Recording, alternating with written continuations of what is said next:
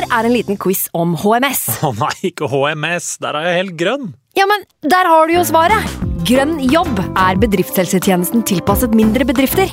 Våre HMS-eksperter hjelper mer enn 8000 bedrifter over hele Norge med alt fra lovpålagte HMS-krav til pålegg fra Arbeidstilsynet. Få på plass bedriftshelsetjeneste på grønnjobb.no. Hallo? Jeg kommer fra Oslo politikammer. Ine Jansen er purk. Er du purk? The motherfucking bitch. Alt jeg vil, er å finne ut hva som skjedde med mannen min. Jon Carew. Er jeg sikta for noe? Iben Akeli. Det er du.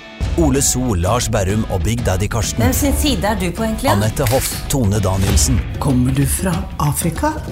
Jørnis Josef, Nesten. Kløfta. Trond Espen Seim, Det er synd å si det, men det var feil mann som døde. Purk. Premiere tirsdag på TV2 Play.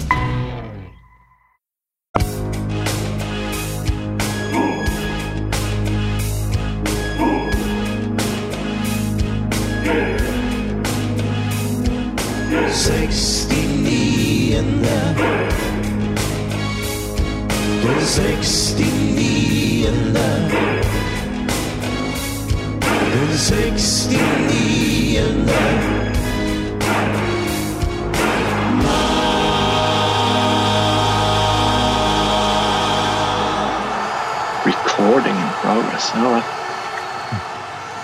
Temperatur på Lerkendal, krisen blir bare større og større for Vålerenga. Glimt er seriemester, Koffa er klar for Eliteserien, og uttrykket 'å ta en viking' skal bli etablert i denne episoden. Velkommen til episode 61 av Den 69. mann.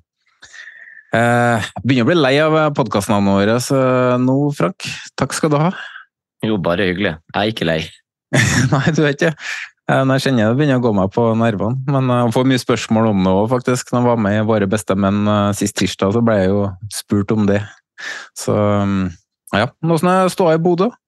Eh, Den er veldig fin. Jeg skulle ut og si at nå har jeg egentlig festa hele natta, men jeg har jo ikke det. For det lille teoretiske, eh, kall det målforskjellpoenget, gjør at vi ikke kan eh, slå oss på brystet som seriemester enda. Men la oss være ærlige, vi har jo vunnet seriegull allerede, så vi er veldig klare til å feste og feire.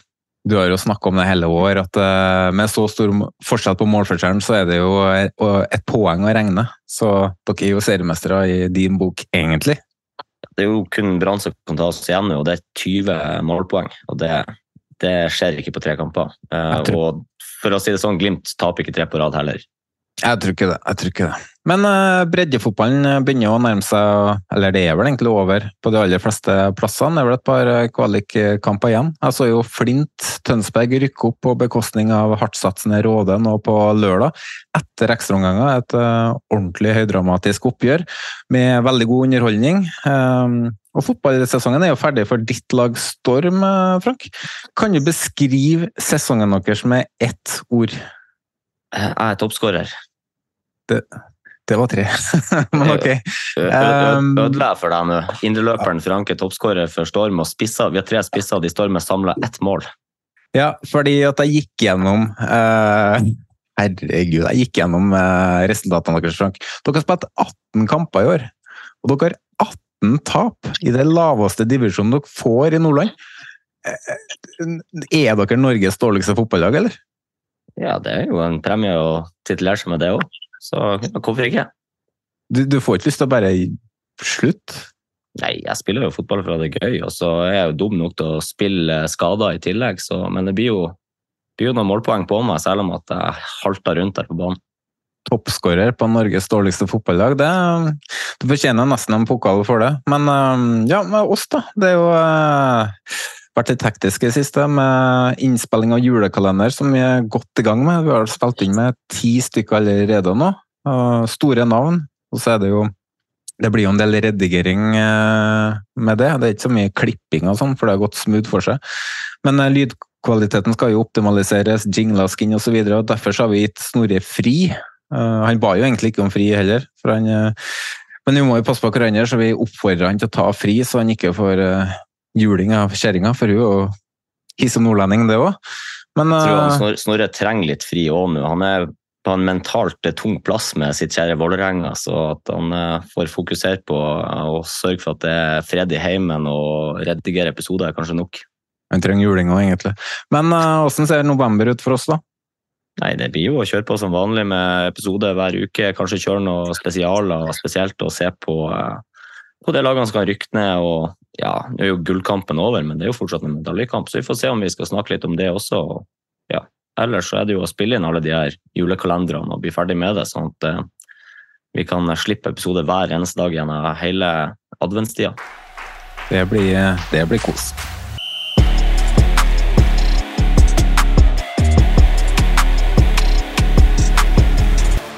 Dagens første gjest er en aktiv fotballspiller, en ordentlig klubbhore som det kalles, for han har spilt i klubber som Sarpsborg 08, Strømmen, Kristiansund, øh, Kongsvinger, KFUM, Fredrikstad og nå KR på Island. Det høres ut som en ordentlig veteran, men han er faktisk bare 29 år, og han står med 43 kamper i Eliteserien, 184 kamper i Obos-ligaen og 25 kamper på Island.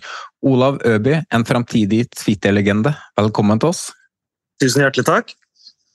Hvordan, ja, du, du, er faktisk den første gjesten du, som får invitasjon direkte på Twitter, og du var ikke akkurat vond å be?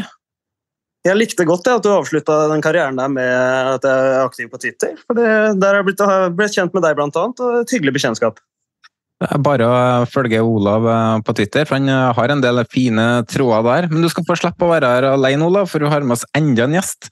Og dagens andre gjest er TV-produsent og programleder. Han er Bodø-Glimt-supporter og nordlending. Mest kjent som hjernen bak karakteren Morten Ramm. Martin Sleipnes. Oi, oi, oi. Det er store ord. Og det er ord som er så store at jeg kan ikke fylle dem. Nei, men. Uh, du kommer til å bruke det mot Morten senere? Jeg, jeg synes jo, jeg har aldri hørt det taket en gang før. Men ja, det, det er vel meg det, da, som er hjernen bak Morten. Og det er Bak enhver Morten står det en stor hjerne, tenker jeg vi sier. ikke alle Mortener, men det er mange Morten som burde hatt en uh, stor Også hjernen bak Morten Langli. Ja, ikke sant? Ikke sant? Morten Gams Pedersen. Om, blant annet. Ja, Alle Mortener i Norge. Hvordan er det å gå fra Bernt Hulsker, Ole So og ja, nevnte, nevnte Bernt Hulsker og så opp til Frank Amundsen, da? Nei, det er jo um, uh, Det er uten tvil et, en nedjustering. Eh, det, det, er det ingen tvil om. Men også en veldig trivelig justering. Eh, og jeg så jo Frank Jeg tror Var det i baris på søndag? Nei. Nei, jeg var faktisk i T-skjorta i går. Du var i T-skjorta. Du var så tøff var du ikke, men jeg så deg. Du gikk forbi meg, og da hadde du ordna håret ditt, og du var så fin der du sto og, og begynte å fyre i gang ropinga. Så det, det er en kjempetrivelig oppgradering. Jo da, jeg starta jo, jeg startet jo eh, bortekampdagen klokka ni om morgenen med å stå og gå og hente meg øl i kjøleskapet og så stå på badet og uh, klippe meg sjøl. Så sånn gikk det til. Du var fin. Takk. Nå rødmer Frank her. Eh, men vi må ta, et par, eh, ta en liten runde med Vi kan starte med deg, Olav. For jeg la først merke til på Twitter da du brukte eh, nettjenesten som treningsdagbok, hvis jeg ikke husker helt feil. Og det førte til opphold på Island, hvor du er i dag. Hvordan er det å være fotballspiller på Island? Fotballspillet på Island er kult. Uh, brukte jo mikrobloggtjenesten Twitter, mitt foretrukne medium, for å skape litt blest der. Uh, det er jo ikke så mye blest man nødvendigvis får som sånn semiproff spiller i Obos-ligaen, så det, det ordna seg. Og så har det vært en veldig, veldig kul erfaring. Og livet utenfor banene på Island? Ja, det er jo varme kilder og sprutende vulkaner, da, så Er det sånn restitusjonskilde, eller? Jeg har aldri bada, så jeg tipper jeg bada mer siste året enn jeg har gjort resten av livet mitt totalt. Så er, du kan bade overalt på Island. Det er jo en privatsak, da, men jeg er nødt til å spørre. Blir du, blir du, rik av å spille på Island? Er det blitt såpass profesjonelt at du kan leve av det på heltid, eller? Absolutt. Eh, Absolutt at du blir rik, ja? Eh, rik og rik. Eh, jeg kan leve av det. Ja. Og anleggssiden på Island er fantastisk. En av grunnene til at de får fram så mange gode spillere. Så er det nok større spredninger i sånn profesjonalitet og hva spillerne innad på laget tjener. Men jeg har tjent ålreit og kunnet satse fullt på fotball, så det har vært privilegert som har kunnet fått lov til. Har du blitt en bedre fotballspiller på Island? Definitivt. En periode så sparte jeg ordentlig langt skjegg òg, sånn at da trodde de jo at jeg var, var islandsk. Så det jeg hører med. Ja. Jeg har et spørsmål. Kan jeg være snill og stille spørsmål? Ja, ja. Er det sånn at folk på Island har en sånn app for å unngå å ligge med søskenbarn? Jeg spurte, jeg spurte gutta i garderoben om det, og det, Ja. jeg fikk bekrefta at det ikke er sånn, men på Færøyene så er det sånn. Ja, ok. Jeg, jeg likte spørsmålet. Det, det skal du ha.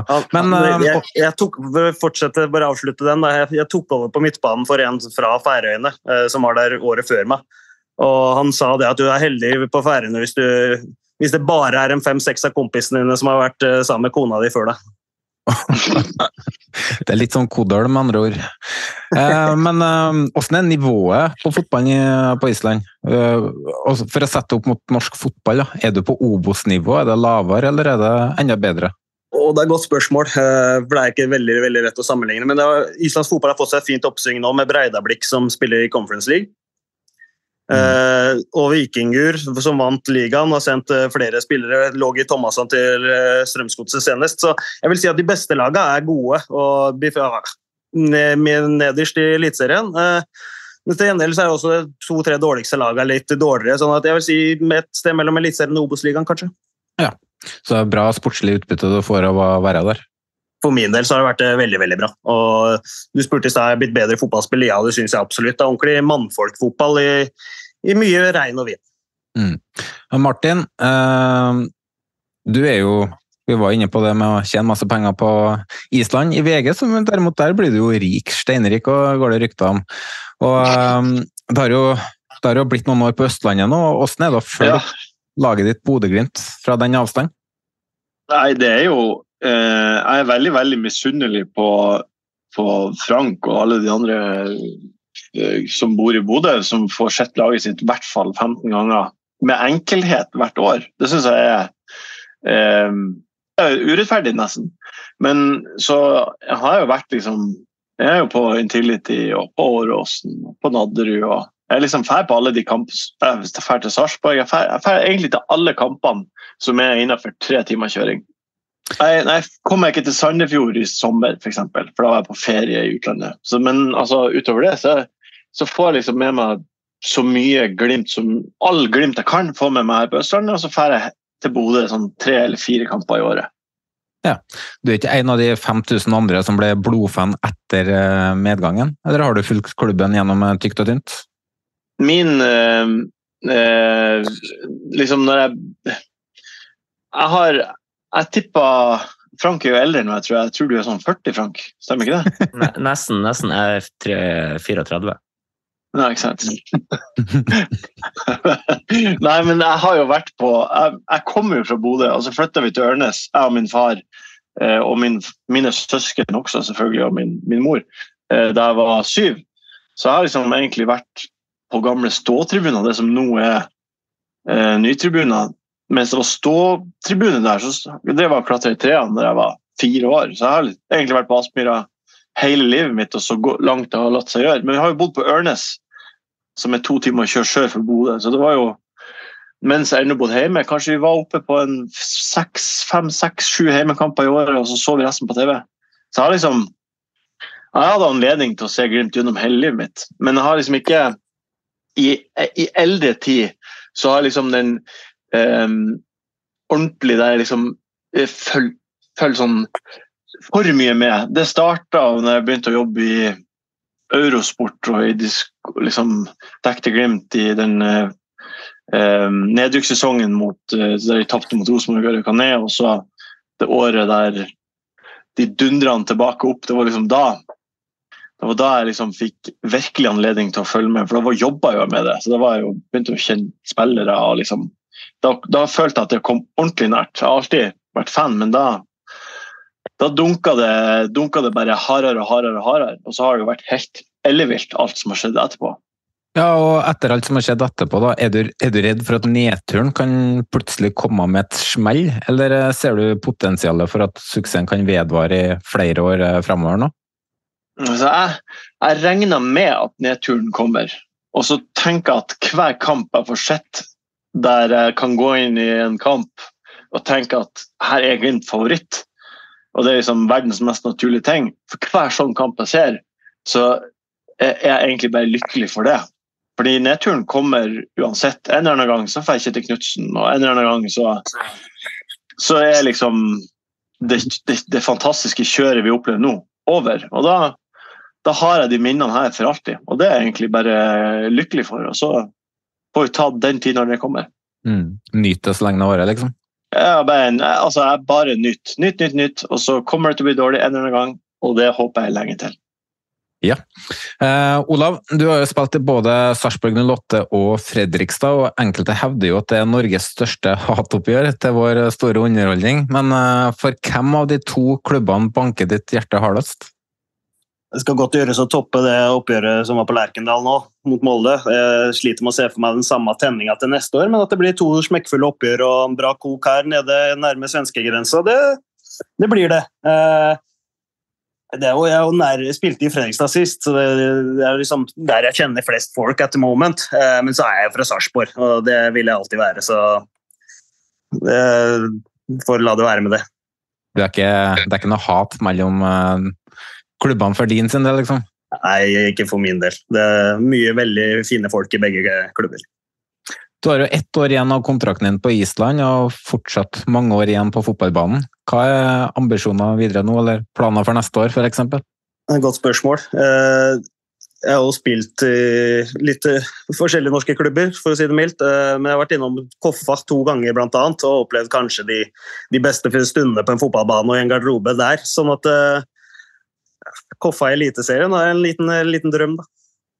Er det en liten sånn overgangssøknad vi opplever her nå? Så, Frieri? Da, jeg tenker kanskje å stikke innom Daniel Fredheim Holm og gi en hyggelig liten hilsen etter hvert. hvert fall. Kjøpe en liten pakke med konfekt og noe annet. Levere eple til læreren. Det blir litt sånn. Ja. um, Martin, du, få, du, har fått et dilemma fra Ronny Olsen på Twitter bortekamp med Glimt i Europa, eller en liten runde på bortebane med Lea fra Low Island, UK? Å, herregud. Ja. eh, nei, det må bli eh, bortetur i Europa, selvfølgelig. Martin, eh, Martin da heller ja. hun med deg på bortetur i Europa. Nei, men jeg er jo en nygift mann. Jeg kan ikke, kan ikke drive og bytte, bytte. OK, kanskje hun kunne vært med. Det der, hele det her stammer fra en klein Instagram session jeg og min kone og Lise hadde, som jeg fortalte om i forrige Enkel servering, som er podkasten jeg har med Morten Ole, da min algoritme bare fylte opp med drit. Bare drit. Eh, det er bumerangpapirfly og strikktriks. For jeg har lyst til å lære meg de tingene. Eh, så jeg driver og lagrer de. Og, og, og, så sitter vi på sida av hverandre i sofaen, og så har vi en Instagram-session der vi ser ti minutter på hennes algoritme og ti minutter på min algoritme. Og så har jo hun mye funny greier, og jeg har bare masse nerdegreier. Og så ser jeg jeg pleier å lagre disse tingene, for jeg skal lære meg de. Og så ser jeg ja, hva annet har du lagra? Og stolt som en hane. Fordi algoritmen min er clean for kjerring og den greia der. Så går jeg inn på minilagret. lagret, lagret Instagram-poster, og der er det hun Leia fra Love Island som står og forlater seg og tar en piruett i kjolen sin. Så derfor kom det spørsmålet, og det er kleint. Mm. Men jeg hadde ja. tatt tur. Eller ikke samboeren min får se på mine algoritmer. Men uh, vi har et uh, stramt uh, tidsskjema her, så vi må men, nesten Jonas, Jonas, ingen burde se på dine algoritmer. Ja, men du og Snorre er jo en del av det. Dere vet jo hva det er. Men det blir mellom oss. vi går videre, vi. Vi har et stramt tidsskjema, og um, vi starter rett og slett vi med det som fort er ukas snakkes.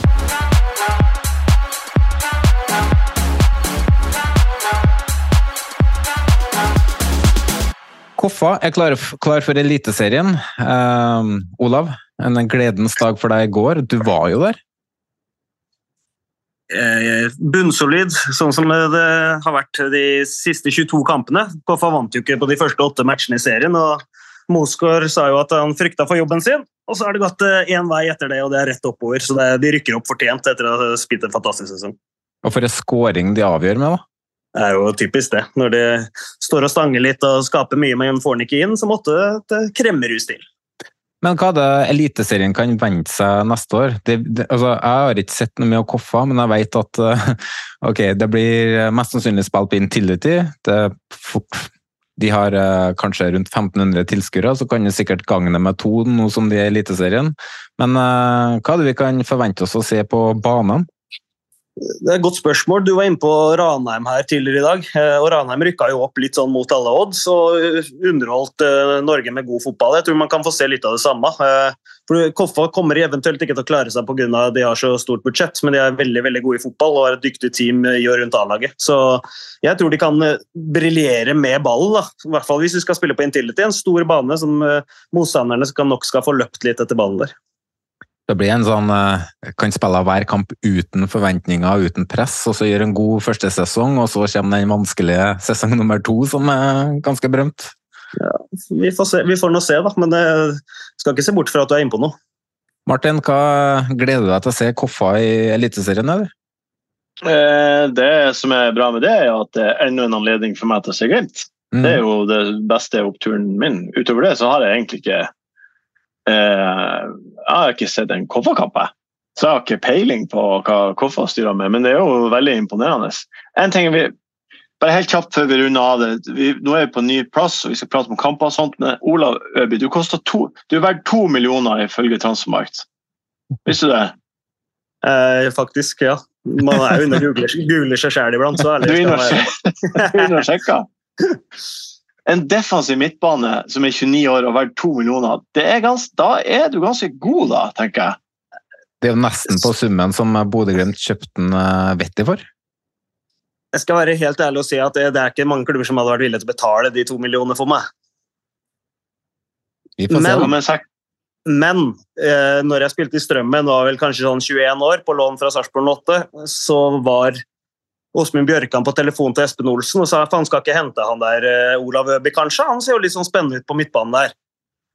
For Jeg hadde en frisparkskåring oppe i Bodø, og like før vi liksom påførte Bodø tap De snudde selvfølgelig på overtid og vant den matchen og rykka jo selvfølgelig rett opp i Eliteserien. Så sett i ettertid så er det jo litt bittert at de ikke fikk den overgangen den gangen.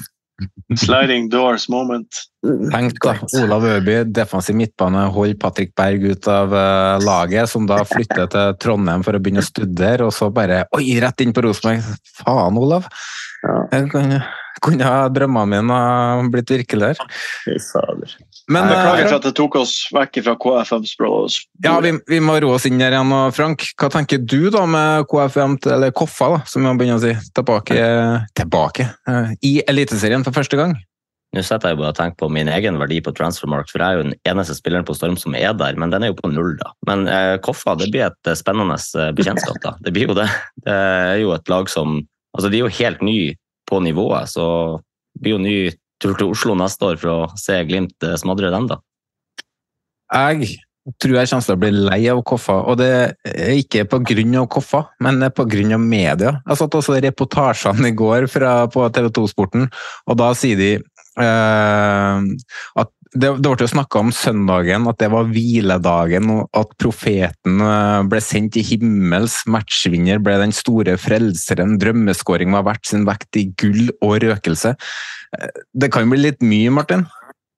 Ja, det, det, akkurat det greia der, det er bare Det er ikke noe fan av i det hele tatt, heller. Og, eh, Men jeg tror det er bare et, jeg tror det er bare et grep de gjør. Og så er det jo Jeg så også det ene intervjuet med at og han, Jeg husker ikke hva det var, men han skulle i hvert fall ut og drikke.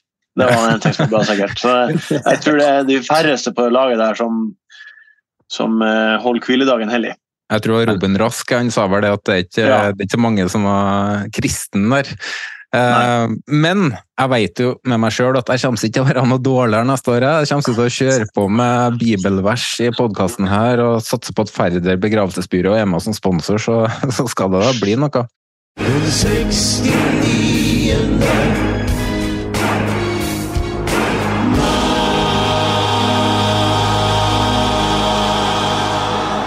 Vi går videre, og vi går da over til det som eh, rett og slett er runden snakkes, vi. eh, dessverre. Eh, og og nå er det jo kun tre runder igjen, og vi kan jo se på rundene som ble spilt, at det er flere utpå der som spiller med nervene utpå drakta. Både på lagene som kjemper om å unngå nedrykk, og lagene som kjemper om medalje. Og vi kan jo forresten nå informere lytterne om at vi sitter og ser, eller i hvert fall Frank, sitter og ser Ålesund og Sandefjord som spiller akkurat nå. Hvor lenge har du spilt, Frank? 66 minutter, og det er 1-0 til Sandefjord akkurat nå. Oi! 1-0 til Sandefjord. Det liker jeg, da. For jeg, da får jeg i hvert fall Du- du- ros. Dunsby skåra like etter pause. Moro. Um, vi følger den kampen underveis her nå, og um, den rekker vel å bli ferdig før vi er ferdig før vi tar kvelden. Men vi må, vi, vi må, snakke om det som skjedde i går, og som igjen dessverre var en snakkis. Og da må vi til Bærum og Nadderud. Nå har vi hatt noen runder i år med uønska hendelser. Flaskekasting mot Pelle mot Lillestrøm. Gjenstander mot Nelson og Tangvik på Intility. Eh, utallige tilfeller med bluss på banen, flaskekasting på Sagi, også det på Nadderud. Og eh, for det er jo nettopp det Bærum og Nadderud vi nå skal, for der kom det da angivelig rasistiske tilrop fra feltet eller området der Stabæk Support eh, holdt det i retning mot Bodø-Glimts Breeze med Bangomo. Stabæk Support med Posse i spissen, arrangører de rundt klubben har jobba på spreng for å finne ut av det. Frank og Martin, dere var der. Um, hva var det som skjedde, og hvordan opplevde dere den hendelsen? Vi kan jo starte med deg, Martin. Uh, nei, det er uh, Det var egentlig veldig snålt. Uh, der vi står i, den, i det beltet med Glimt-supportere, så er det jo helt umulig å høre noen andre på stadion, så det høres ut som det er bare Glimt-supportere der. Selvfølgelig. Så for oss er det helt umulig å høre hva, om noe blir sagt. Selvfølgelig. Eh, og Så blir det stopp i spillet, og så er Kjetil Knutsen først og bjeffer til eh, bortesupporterne. Og så kommer etter hvert eh, dommeren og prater litt, og så går dommeren og henter eh, Bakenga, og så går han og bjeffer litt.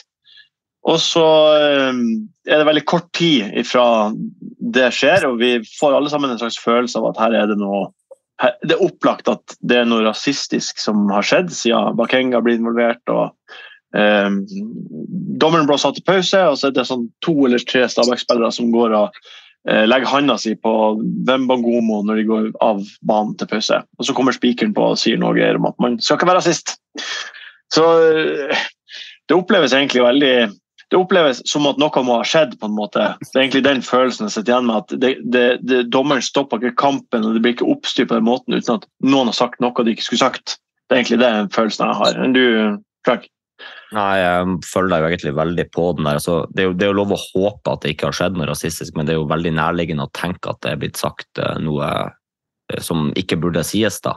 Uh, og han Breeze har jo ingen grunn til å skulle lyge om dette heller, så han har jo, han har jo hørt noe. Men så, så, ser jeg jo også hvordan på Stabæk reagerer, og de vil jo prøve å finne ut av ting. og så er kanskje, kanskje er det en som har sagt noe han så har gluppet ut av han i et lite sekund og han ikke burde sagt. Også. Men de, de, de, tar i hvert fall grep da, som, eh, som, klubb og gruppering, og de tar det jo på høyeste alvor. og Det er i hvert fall et positivt tegn. da. Det viser jo det at de som gruppe ikke står inne for rasisme.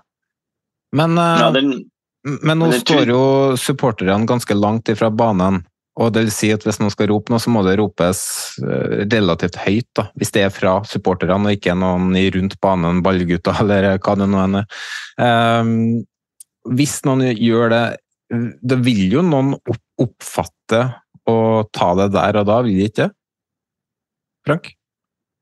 Det, ja, altså Man ønsker jo å tro at det er indrejustis som tar tak i sånne ting. Også, men jeg kan jo ikke snakke på vegne av dem og hva som har skjedd der. og uh, Jeg liker jo å tro at jeg sjøl ville tatt, tatt grep i en sånn situasjon hvis det har vært en av mine nære supportere som har stått og bjeffa fra seg på den måten der. Men men vil ikke noen komme i etterkant og sagt at jo, jeg har hørt det?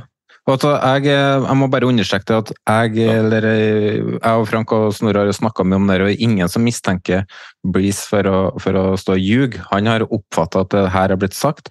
Og så er spørsmålet om det som har blitt sagt, er det han har hørt, eller om, er, eller om han har hørt feil. Var, men jeg kan ta det. Jeg snakka med Posse tidligere i dag, og, og, han sa at han er i kontakt med en eh, lyddesigner som skal jobbe med lydfilene fra oppgjøret. Det er jo mikrofoner rundt hele banen, så det skal gås gjennom. og og det, det, her skal de virkelig finne ut av, da. og det er jo kjempebra at de tar det her på, på blodig alvor. skal det, si. Det er begrensa med mikrofoner, da, Jonas. Det er det. det, det er stadionmikrofon som skal fange opp uh, supporterfeltlyden. Den er heldigvis nærmere plassert Stabæk-supporteren enn bortesupporterne på Nadderud. Så det er jo lov å håpe at den kan finne ut av noe, men ja, samtidig kan det være jævlig vanskelig. Olav? Jeg har bare lyst til å skyte inn der. at det, det er jo vanskelig å vite hva som skjedde akkurat i går. Eh, men jeg er jo personlig kompis med Bris. Vi er fra Sarpsborg begge to, og vi møttes bare for et par uker siden når han hadde et par dager fri eh, og var nede i Oslo. Eh, og det er jo den Det blir litt den totale mengden av drit han får i tillegg, som nok på en måte må begynne å bli så lei. For en ting er, har, Det er ikke første gang han hører ting ropes, og så er det alt på sosiale medier og personlige meldinger han får. og greier. Det er jo forferdelig og bare jævla, jævla trist at det skal skje. Eh, men det spiller nok inn her i tillegg, for jeg har jo sett det, hvor mye drit han får. Og det er jo ikke sånn det skal være i det hele tatt. Er det, du har sett driten, som du sier. Du har sett meldinga, er det du mener. Um, er det norske meldinger, eller er det fra typ utenlandske um, Begge. Det er begge, det er norske, men er det, det er masse norske. anonyme? Noen anonyme. Det er jo klassiske Twitter-kontoer sånn og sånn. Men det er også noen som bare med fullt navn og bare sender melding på Facebook, liksom. Midt i kampens hete, allerede? Er eller ja, sikkert, sikkert mye affekt, men det er noe, noe også utenom uh, kamper. Uh, mm. Håpløst. Nei, det er fryktelig. Altså, det er jo Alle vet jo at det er rasisme i samfunnet, det, det har vi jo hørt. Det, selv om vi ser det er noen som prøver å benekte at det er, så jeg syns det er vanskelig å uttale seg om det som skjedde i går, for det blir veldig ord mot ord. Eh, så jeg håper bare at de finner ut av det. det ikke at det er noe positivt, men eh, at, at det igjen får oppmerksomhet, da, det kan jo i og for seg være litt uh, positivt, i og med at da Um, man viser jo åssen det, som er bra, det som er bra, er jo at spillere som han, Wembangomo, Bakenga, Pellegrino at Spillere tør å si fra. Mm. At de ikke lar de, de lar ikke pågå. De, de, har en sterk stemme i det. og kan på en måte, det, det, kan være andre mindre profiler som står i dritten og ikke vet hvordan de skal håndtere det. Det er i hvert fall bra at profilerte spillere står frem og tør å snakke om det. Helt enig, og det gjelder ikke bare rasisme, det gjelder andre sjikaneringer. Så um, håper jeg flere fortsetter med det. Vi skal ikke mer enn 10-15 år tilbake før det her var sosialt akseptert på bane å stå og rope uten at noen grep inn. Men vi har hatt noen situasjoner de siste årene, og jeg husker jo en på eh, hjemmebane til Sandefjord hvor en funksjonær eh, ropte noen greier. og Det var vel noe i Ålesund òg, husker jeg. Så um, man tar i hvert fall tak i det når noe skjer, og det er jo det positive oppi det her, da. Så um, er jo spørsmålet, hvis noe sånt skjer, og det er ganske opplagt at det skjer, hva man skal gjøre. Vi ser det i Europa når eh, det blir laga apelyder litt forskjellig. og så Det som irriterer meg, da, er at i hvert fall når det er ganske mange som står og lager apelyder mot um, spillere, at man fortsetter kampen. At man bare ikke bryter, går inn i garderoben og bare 'Det her vil ikke vi være med på'.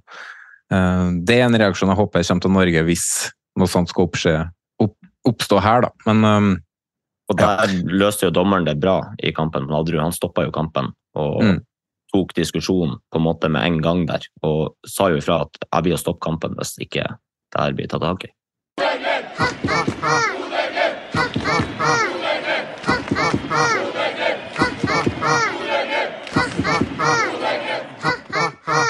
Da var vel seriegullet i boks, eller?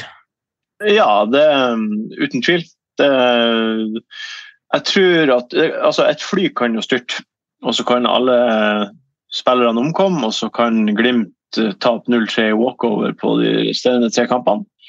Men Brann kommer ikke til å ta igjen eh, de siste 15 årene, eller hva det er. Så vi har vunnet ligaen, ja. Men eh, kommer ikke til å det rekker å feire før det faktisk er vunnet, uansett. Så det blir neste søndag. Eller sikkert på lørdagskvelden når Brann taper eh, poeng borte mot Haugesund, tipper jeg. Men uh, jeg fikk ikke sett den kampen, jeg var jo opptatt med en annen kamp. Uh, kan ikke ta meg ja. gjennom kampen? Um, det starta Det var egentlig Jeg syns Stabæk starta bra og pressa Glimt høyt. Bris slo en del feilpasninger, det var mye slørv i i Forsvaret, fram til Glimt eh, bestemte seg for å dundre litt langt. Eh, de fikk et par farlige, skikkelig farlige brudd. Så, så kom også N0-målet på den måten, og da senka Stabæk seg ned. Og etter det så var det bare Da tror jeg ikke Stabæk genererte én sjanse fra liksom 20 minutter ut, foruten det annullerte målet som de fikk i andre omgang. Så det var liksom bare Kampen ble bare Det var bare maltraktering fra 20 minutter og ut, og så endte jo han eh, Bradley opp med å bytte ut sine beste spillere til 65 og 75 for å bare hvor faen skulle de spille? Det er jo ikke vits i. De, de, de, jeg tror ikke de lånte ballen nesten i andre omgang. Det var, det var helt spinnvilt å se på hvor, hvor ballsikker egentlig Glimt kan være når de vil. Um, det er min opplevelse av kampen. Frank, er det siste 30 der med balltrilling er det for å spare krefter inn mot europacupkampene? Jeg skal ut og avbryte med det at eh, mens vi snakka om eh, rasismesaken i stad, så skåra Sandefjord 2-0, og nå hadde de 3-0, men det ser ut som en offside, så det er 2-0 der. Men eh, ja, altså, Glimt kontrollerer jo kampen for sin del, og det virker også som at Stabæk og Bradley skjønner at det, her er avgjort, nå sparer vi bein. Så for at Stabæk får en veldig viktig kamp mot Vålerenga i neste, så jeg vil tro at de også skal være tipp topp shape. Så for begge lagene så var jo kampen egentlig avgjort, du kan si, til pause. Du ville snakke litt om uh, Sondre Sørli? Sondre Sørli, ja. Eh, Sondre Sørli er jo en spiller som på mange, mange måter blir sett på som stallfyll i Bodø-Glimt. En spiller som eh, Bortsett fra Iver. Iver meldte han som årets spiller før sesongen. Ja, ja, Iver liker å melde ting som ingen andre melder. Nei, men Sondre Sørli han hadde en sånn tung reise egentlig i Glimt òg. Han kom jo inn som erstatter for Sinkernagel, og så blir han jo langtidsskada etter å ha hatt egentlig en frisk eh, start på Glimt-karrieren. Han hadde vel så å si ett målpoeng i hver kamp frem til den langtidsskaden hans. Uh, slet tungt med å komme tilbake, får noen eh, minutter her og der, og så får, før han ryker på en ny smell. og så får han start mot Besjiktas for ei og en uke siden, og for meg er han klink på hans beste. og Starta på nytt igjen mot Lillestrøm, ikke fullt så god da, eh, helt på det jevne. Og så starta igjen nå mot eh, Stabæk, og jeg syns han leverer en kanonkamp. Eh, så veldig gøy å se at en spiller som på en måte hadde en veldig oppoverbakke de siste årene, blomstrer. Han skal inn på rundens lag, eller? Ja, vi, jo, vi ser jo en kamp nå, da. Vi har jo ikke satt rundens lag i denne episoden, kan vi avsløre, men han er jo en kandidat, i hvert fall. Jeg kan jo få skryte litt av Sørli. for det, Du er inne på noe viktig der. Altså, fotballspiller, Mange tenker at det er, jo, det er jo kanskje verdens beste yrke. I hvert fall for vi som eh, liker eh, å spille selv. Eh, men det, fotballspillet kan også være jævlig tøft for hodet. og Der er jo Sondre Sørli vanvittig sterk. For å stå gjennom de skadeperiodene, motgang, ikke spille fast, og så bare trener du å stå på så godt og så leverer du på det høye nivået han gjør nå. Det er bare å ta seg av. Da har jo klubben gjort noe riktig òg, tenker jeg. da. Du ser jo når, når, spillere har vært så Og så spiller, selvfølgelig. Når noen er så lenge ute, og så kommer de tilbake i veldig godt slag. Eh, både at de holder tempoet, de har fortsatt hurtighet, og de kan komme litt tilbake til der det var. Da, da tenker jeg det er et samarbeid mellom spiller og klubb her som har vært uh, veldig bra. rett og slett. Men uh, Olav Stabæk, da er det de har vært i bra form i siste nå, plukka bra med poeng etter at Bradley kom inn. Eh, vil et sånt tap som det her eh, gå påvirke de negativt sånn mentalt sett, eller eh, klarer de å tenke at ok, det her er Glimt, det her er som forventa? Ja, men Det tror jeg faktisk. Glimt har fått den posisjonen i norsk fotball nå at å skulle ryke på det 4-0-tapet for Glimt altså, så bytter de ut sine beste, vet du hva? så begynner de med nullstilling allerede før matchen er ferdig. Eh, og Den nye energien og given som de har fått under Bradley nå, med formspiller Rasmus Egen Vinge inn fra Kjelsås i sommer, eh, ser meget eh, spennende ut. Både Stabæk og som lag og han. Så det hadde jo vært kult om Nordstrand-gutten Egen Vinge bare skapte litt kaos på Intility mot Vålinga neste helg. Ja, han har eh, imponert meg, i hvert fall. Og typisk han spiller i Glimt neste år. Det er sånn det, er sånn det pleier å være. Eh, vi går videre, vi, og da går vi til lørdagens kamp, som var HamKam, som eh, da knuste Viking 3-0. Vi, vi, må få etablert å ta en Viking. En gang for alle. Det, det, betyr det samme som å ta en Jørgen Brink, men det er ikke alle som fikk oppleve stafetten i Val di Fiemme i 2003, da Thomas Alsgaard spurtslo Christian Sorsi etter at Jørgen Brink gikk på en kjempesmell. Å ta en Viking, da, det er jo når man er i flyten, hvor alt går veien, resultatene fører til sjøltillit og godt spill, og man tror at uh, ja, man gjør samtidig alt man kan for å ta bort presset. Men når til og med skeptikerne blir positive, da kommer smellen. For fotball er jo tross alt kjedelig, sånn vi sier. Frank, hva i all verden var det som gikk gærent for Viking borte mot HamKam? Jeg snakka om det her noen uker nå, at Viking virka virker som å ikke takle å spille mot laget 3-5-2. og Nå har de også lite selvtillit. De, eh, jeg jeg syns kampen er ganske jevn første omgang. Begge lag skaper mye, men jeg syns Viking er det beste laget. Og sånn foregår det jo også i andre omgang. Viking starta jo klart best, og HamKam ser jo egentlig helt eh, ferdig ut eh, før de plutselig bare ut av ingenting skåra 1-0. Og så snur jo kampen totalt karakter. Og fra det 1-0-målet til eh, HamKam og frem til det er 2-0 og egentlig avgjort, så, så er det jo så HamKam som kjører virkelig på. De er nærmere 3-0 enn hva Viking er 2-1. og så skal det sies eh, Markus Sandberg lever jo den enorme redninga på slutten av kampen som gjør at Viking ikke kommer inn i det før at eh, HamKam punkterte 3-0. da, men som han, eh, han sa, han, uh, du sto det stilt til han spissen, han Mava, uh, som spiss, stygge mål er det beste. og Det, det stygge målet der det snudde helt karakter på kampen. Jeg trodde jo faktisk at Viking skulle ta seriegull da alt så så bra ut tidligere. For de de gjorde på papiret da, et godt sommervindu. Glimt skulle ut i Europa, eh, og i tillegg til at de hangla litt. Men så tok Viking en Viking. Det må vi jo fortsette å si. det er jo rett og slett. Eh, de står jo nå med tre tap på rad. Tre kamper hvor de, de på papiret egentlig bør vinne. og du, de har du, kan, faktisk... du, du kan jo gjøre det mye styggere. de står egentlig med ett poeng på fem kamper. Ja, jeg kommer jo dit, da. Eh, de har faktisk ikke vunnet siden de slo Sandefjord 4-3 i runde 23. og Da må vi tilbake til 24.9. En kamp hvor de også holdt på å rote det bort. Da. Eh, så de har faktisk ett poeng av 15 mulige nå. og Det er ikke så lenge siden de sto med ti seire på rad. Eh, ble sommervinduet altfor dyrt for deg, Olav? Det er jo litt det klassiske. Hadde de ikke gjort noe i sommer, og så hadde de røket på samme rekka, så hadde de sittet og aldri kunne tilgi seg selv. Men det er jo det, det, gjorde, de jo, det gjorde de jo i fjor. Da, var, ja. da, gjorde de jo ingenting, og da fikk jo Nevland utrolig mye pass fra omgivelsene. Så Det er jo det evige spørsmålet. Skal du røre i gryta, eventuelt være å røre for mye? Eh, så Når du har penger og nå øyner du seriegull, så må du nesten gjøre noe. Men så er det jo litt de gutta som spilte uke inn og uke ut og var i flytsona. Når du er et vinner ti på rad, da trenger du ikke å tenke så mye, men så rykker du på én, så begynner du å tenke, og så havner du litt utpå. og Det er jo bare å og se hva som har skjedd. på noen. Jeg har sett i sesongen her hvor mye flyt gjør. da. Eh, Brann sto vel med åtte seire på rad, altså Viking hadde ti. og eh, HamKam, som egentlig så helt fortapt ut, dro til med tre på rad. så det er jo eh, Og så har det Haugesund nå i siste, altså, og Godset. Så det er jo flyt har jo utvilsomt mye å si, da. Men eh, hvis du ser, ser på supporterne til Viking da, for Eh, de har, jo, de har jo hatt bakkekontakt hele sesongen, egentlig. Og så kom, Joe, kom Bell, og så kom Adegbenro, og så kom eh, Ja. Og da, da var det plutselig oppe i skyene en periode, og det er jo da smellen egentlig kommer. Da. Eh, og, og Nevland og co. ble jo hylla i sommer av egne supportere for overgangsvinduet de gjorde. Og nå er egentlig flere av de samme personene ute og klager. Er det egentlig riktig? Skal ta deg, Martin. Kan man, klage på, man klage på noe man har hylla tidligere? Ja, nei, jeg syns det her er Jeg får litt vondt. Jeg får helt ærlig litt vondt i meg på Viking-supporternes vegne. fordi de, det var ganske fett å se på dem. fordi det, Jeg liker stilen deres, og de er harde og kompromissløse og skjetne. Jeg liker det.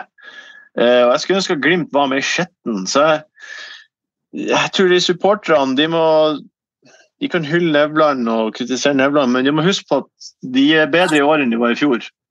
Ja. Og Hvis eh, Molde ikke vinner eh, cupen mot Glimt, så får de sjansen i Europa. Og ja, Jeg skjønner at det er drit nå med ett poeng på fem, men det er bedre enn det var i fjor. Og det er liksom Nå er det nå blitt sånn, da. Så får du bare De må bare, de må bare akseptere at det, det ble ikke i år heller. Vi må litt innom HamKam òg, Frank. For uh, de tok jo et stort skritt mot å overleve. De sto jo med fem poeng på sju kamper, altså fem av 21 mulige poeng før det oppgjøret her. Men Jonas Jinksen slo inn, for jeg hevda jo at de bare ville ta ett poeng på sine fire siste kamper. Men uh, kan vi si at de nå har eh, sikra plassen, eller? Igjen? Nei, du kan ikke si det helt, men de er i en fin posisjon, i hvert fall. Men det er mange lag der nede som møter hverandre. Det er, mange, det er fortsatt, eh, fortsatt ni poeng å spille om. Og så tror jeg jo ikke at, eh, at de lagene under tar dem igjen, da. Men nå leder Sandefjord 3-0, så det, det, blir et rottereis der nede. Det blir det. Frank, eh, Kamma har jo igjen Godset borte, Vålerenga hjemme og Molde borte. Eh, tøft program. Eh, og så Kamma er jo et lag som er best da, når de har ordentlig trykk i spillet sitt og intensitet. Bør ikke Vålerenga nå håpe på at HamKam slår eh, Godset borte nå, sånn at de er litt mer reservert til Vålerenga kommer på besøk i nest siste serierunde? Jo da, du, du, er jo inne på noe der. Eh, hvis HamKam vet at plassen er sikra, det er de med tre poeng. Det er garantert. Da er den sikra. Da kan jo på en måte de senke skuldrene, men det kan jo også slå ut eh, flere veier. da. Så jeg er jo bare redd for at Vålerenga-laget er så dårlig at det tar null poeng på tre kampene. Så syns litt synd i Snorre gjør det. Mm. Vi kan jo bevege oss til neste kamp. da. Kanskje den, eh, en av de minst interessante kampene i runden her, for det var Lillestrøm mot uh, Haugesund. Og jeg strekker den kanskje litt langt nå med, med, med formen til Molde. Så kan jo Lillestrøm eh, fort Eh, komme inn og ta en eh, topp fem-plassering eh, her. Har du trua på det, Frank? Ja, jeg har jo egentlig ikke hatt trua på det, men Molde ser jo begredelig ut for tida. Det er to poeng mellom lagene nå. og det, altså For noen runder siden så snakka vi om at Molde trengte jo bare å gjøre De hadde jo kampene mot topplagene, så de trengte jo bare å ta ting i egne hender, så er de med i medaljekampen. Men Nå kan de faktisk rykke ned både én og to plasser på tabellen, og det var jo utenkelig bare for noen runder siden. Så det, det kan skje. Hva var det jeg sa før sesongen, egentlig, om uh, Glimt, Molde, Rosenborg? Uh, du sa at hvis Glimt har en dårlig sesong, så kommer de fortsatt topp tre. Du sa at hvis Rosenborg har en dårlig sesong, så kan de rote seg ned på sånn type åttende-niendeplass. Og hvis Molde har en skikkelig dårlig sesong, så er de på sjuendeplass, sa du. Så du er god å spå der, men det er ikke over. Nei, Husker du det her, Frank? Det er jo helt sjukt. Husk! Ja, nei da, satt og, Vi satt og snakka litt om det tidligere i chatten, så, men det, det, var liksom et sånn minne som kom opp da. Så litt grann huske og litt grann at man har snakka litt i lag. Jeg er imponert tenker å leve fotball, vet du. Det er det vi gjør. Eh, vi kan ta litt fra kampen, da, for eh, det var lite som skjedde i første omgangen mellom Lillestrøm og Haugesund, men så ble det litt mer action i andre omgangen. Stor mulighet eh, fra Lene. Kåre Selvik gjør en vanvittig god redning.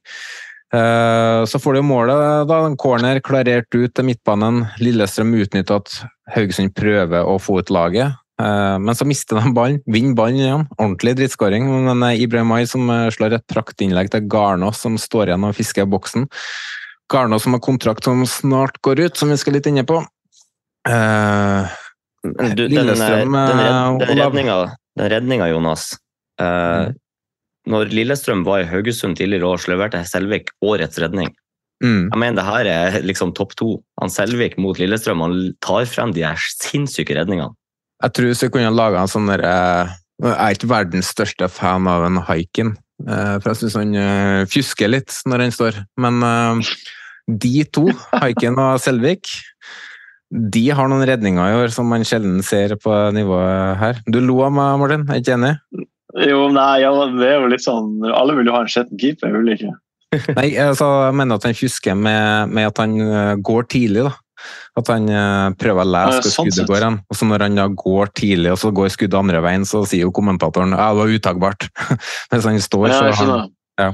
Så jeg, jeg, jeg, har tenkt at han også er en litt sånn lurifaks bak der, som uh, har noen uh, gener som, uh, som er, han er god til å irritere folk, eller til å være for ondt når han skal. og alt det tingene der, var det jeg trodde du mente. Men han, jeg kan ikke huske egentlig at han har gjort så mye tabber. så det er et poeng jeg ikke har tenkt på. Nei, nei, men liksom at han burde Jeg kan ikke huske jeg husker, Det jeg husker, er at uh, du, har, du, har, kanskje et poeng. Jeg studerer sånt, er, så kikker jeg på. Han er jo keepertrener i andredivisjon, så Ja, da burde han ha mer peiling, da. Ja, jeg burde. Burde. Vi ligger på nedrykksplass. Men uh, hva, hva, hva, kan vi ta fra Haugesund, Martin? Uh, kan de, kan de overleve nå, i, eller har de sikra plassen i Eliteserien, tenker du, med sine 30 poeng?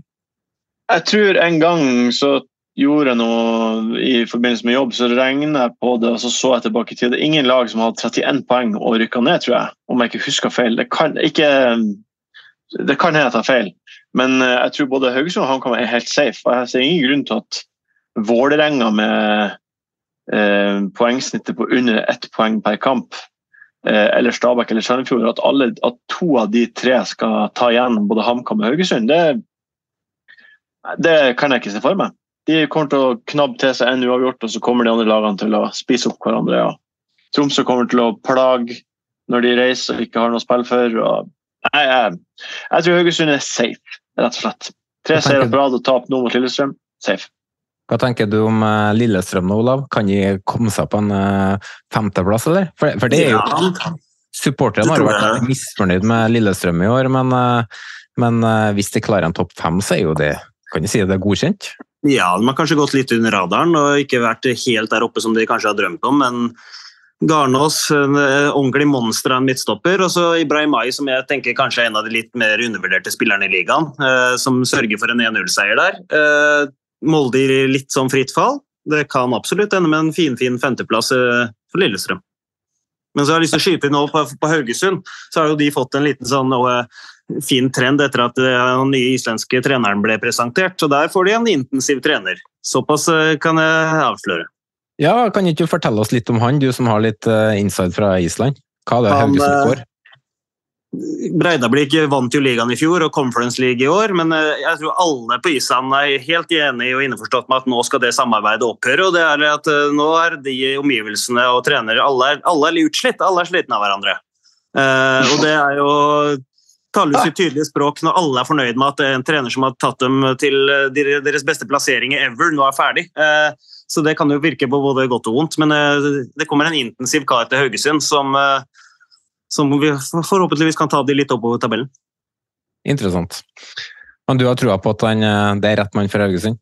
Spiller vanvittig god fotball, så det har jeg absolutt. Mm. Tror du han kommer til å hente med seg flere spillere fra Island òg, eller? Jeg har sett at eh, den spilleren som kanskje har vært best i Islands liga i år, er rykta til Haugesund. Hvis de lander han, så er det et potensielt salg på 10-20-30 millioner ut av Norge hvis han fortsetter å levere på det nivået. Ja. Avslutter med Lillestrøm-Haugesund der, og så går vi over til Tromsø mot Godset. Det som var hovedkampen på søndag. Kan jo si, jeg gløtta jo litt på den mens jeg drev og planla episoden her, at det var en relativt kjedelig fotballkamp, egentlig. Men eh, det skjedde noe kult før kampen, eh, Frank. Når de sto han i han med maskottene og skulle gå ut på banen. Eh, bør Bodø-Glimt gjøre det samme, eller? Nei, det der, vi, altså, vi trenger ikke å kopiere Tromsø, det er de som prøver å kopiere oss. Så vi skal få holde på. For de brukte jo faktisk eh, hva da, hva, det, var, det, var, eldre da, som de brukte som, eh, som uh, maskottene når de gikk ut på banen. og Både hjemme- og bortelag. Det syns jeg var litt fint. Marius Skjelbæk var inne i spillertunnelen der og laga en liten reportasje før de entra banen. Men uh, vi kan gå over til å snakke om det som er viktig, da, nemlig kampen. og Tromsø har gått fra seier eh, borte mot Viking og Molde, hvor jeg har spådd null poeng, for så å tape hjemme mot Godset. Og uh, De kunne jo nærmest ha sikra seg medalje med seier her, da avstanden etter Viking ville blitt fem poeng med tre kamper igjen, men bortelaget gjorde det igjen. altså. De står nå med to 1-0-seiere på rad mot medaljejagende Tromsø og Viking, samt tre mot Odd. Og de har gått fra nedrykkskamp til å ligge ganske trygt plassert eh, på tabellen. Eh, var det noen av dere som fikk sett kampen, eller? Jeg fikk bare sett eh, andre omgang, for jeg var på vei hjem fra Nadderud.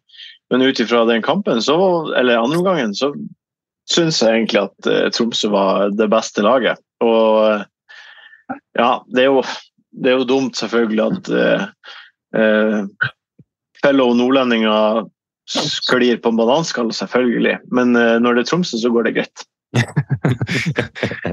Frank, uh, du har jo eh, vært veldig på lenge, egentlig, du har sagt det siden mai, at Tromsø tar medalje i år. Uh, hva tenker du nå?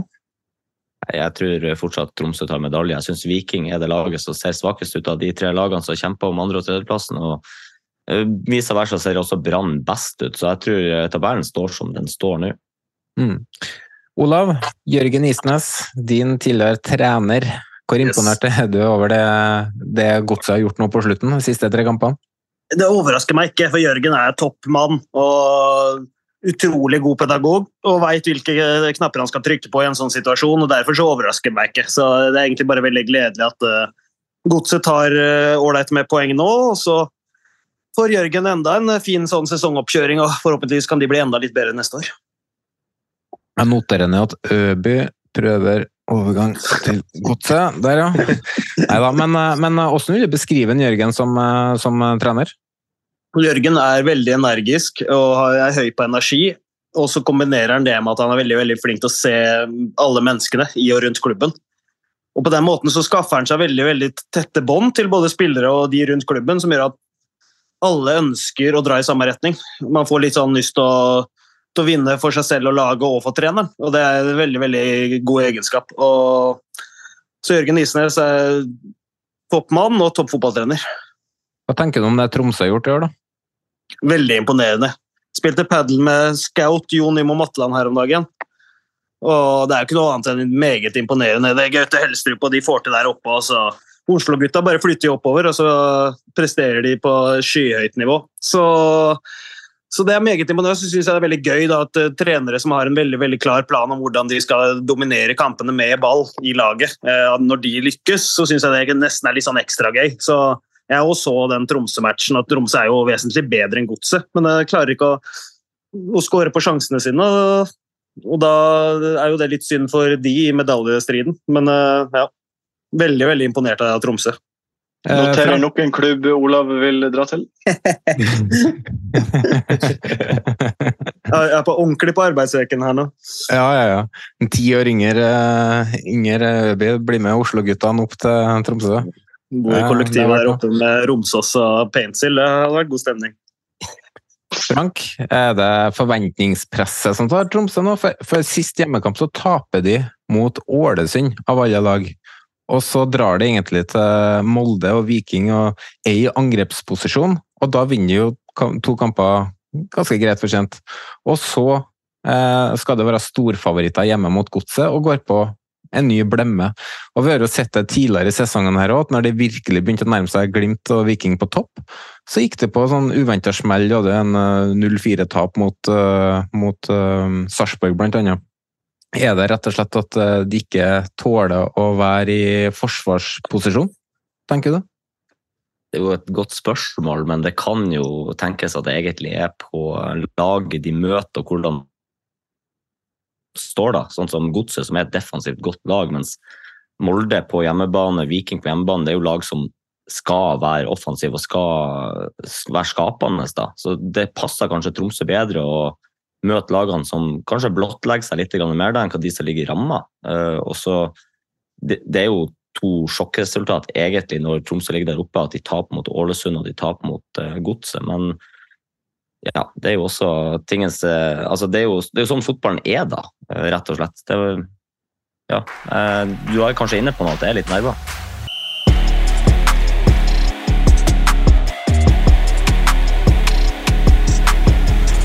Vi går videre vi, til Brann mot Odd, og vi er så heldige at vi har med oss tidligere gjest, jeg lurer på om det er tredje eller fjerde gang, Sean Røskeland. God kveld. God kveld, god kveld. Direkte inne fra bussen. Inne fra Først og fremst eh, så vil jeg eh, benytte anledningen til å gratulere Frank og Martin med godt og velfortjent seriegull. Starter der, altså. Tar det på søndag, tenker jeg. Ja, vi, vi, feirer, vi, vi, feirer, på lørdag når dere taper mot Haugesund. ja, den målforskjellen, den eh, det, Nei, det blir ikke ni poeng tapt her på dere. Nei, det blir det ikke. Men du var på stadion i går, eh, Sean. Eh, ja. Ta oss litt gjennom kampen. Det var en kamp som eh, var litt sånn ubransk, hvis jeg kan si det sånn.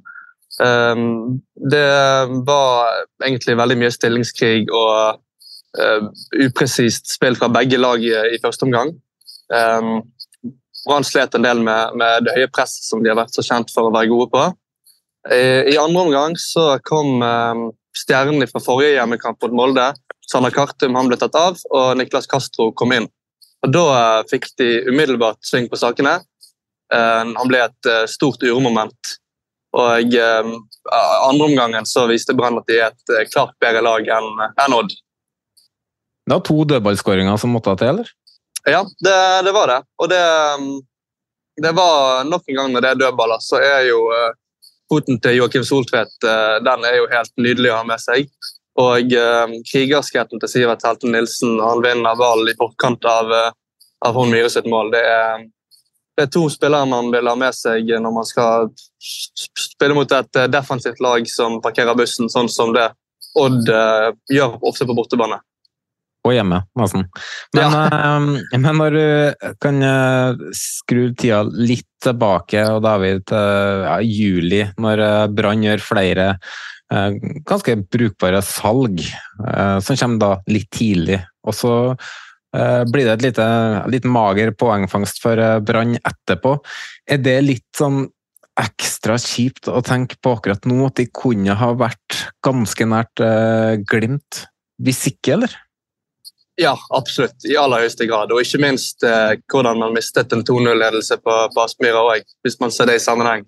Mm. Men eh, når man ser alt under ett eh, før sesongen, så ville man jo vært strålende fornøyd med å være der man er i dag. Men eh, man lever jo alltid i uh, nuet. Når man, man, sitter seg selv i en posisjon der, der man ligger godt an og så selger nøkkelspillere, så, så, tenker man på, alltid på hva det kunne ha blitt. Jeg var jo litt ute og kritiserte timingen på salgene at man ikke hadde muligheten til å forsterke spillere umiddelbart. Men, ehm, men eh, man må jo se at eh, med en gang de nye spillerne, bl.a. Eh, Kartum og Soltvedt kom inn, så, så har jo de, hevet seg. Men, men, jeg nevnte jo Sivert Hette Nilsen og en mann man vil ha med seg i krigen. Han var jo og ute og murret litt i, i forbindelse med at spillere fikk forlenget kontrakt i sommer. Og um, da var jo han en spiller som ikke uh, var i nærheten av sitt beste. Og man knager jo egentlig kanskje mest på hva som ville skjedd hvis, uh, hvis ikke den saken hadde, hadde lekket ut og, og, blitt så stor. Jeg ser jo et lag som uh, er kapabel til å kjempe om seriegull neste år. Kanskje, kanskje få inn en ordentlig klassestopper til. Altså, Ruben Kristiansen er ikke akkurat, blir ikke yngre, han heller. Hva tenker du om mulighetene i 2024? Sånn? litt tidlig å tenke de tankene? Ja, det, det, er jo det. Men når man snakker om Ruben Kristiansen, så, så, er det noe som har blitt sagt. Altså, han har vel sikkert norgesrekord i antall kontraktsforlengelser. han har blitt avskrevet så mange ganger. Har blitt trukket frem takk for alt, Ruben, i 2018, og 2019 og 2020. Og, men så han skal man aldri avskrive.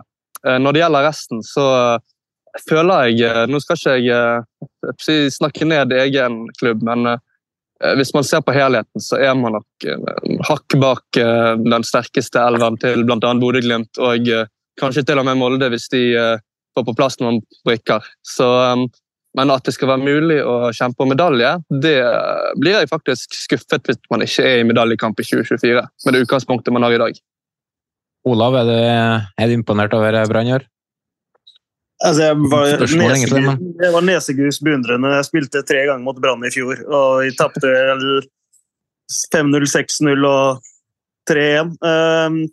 Så det tempo-nivået Brann hadde inne da, det var helt umulig. Uh, de bare cruisa gjennom Obos-ligaen, så har de gjort det nesten det samme i Eliteserien. Så meget imponerende. Og som du er inne på, Sean, det grunnlaget som er lagt nå, det betyr at Brann også kan være i medaljestriden i 2024. Frykter du Brann neste år, eh, Martin? Uh, ja, jeg må jo si ja. Jeg må jo det, når vi har sånn her. Uh, men du var inne på å skru tida litt tilbake i stad, og, og ett år tilbake i en Twitter-chat uh, mellom deg og Sean. Kan jeg få skru tida fem år tilbake i en Twitter-chat mellom meg og Sean, der han har lova å stille opp når Brann er på bortebane mot Vålerenga? Hvorpå han ghosta meg, og da er jeg vaktsjef på Eurosport og, ikke, og står der uten brannmann og intervju. Sean, forklar sjøl. Ja, det, det, stemmer. Det er stygg, stygg sak. Stygg sak. Nei, det var ja. vel uh, Var det det året der det var den uh, ulykken?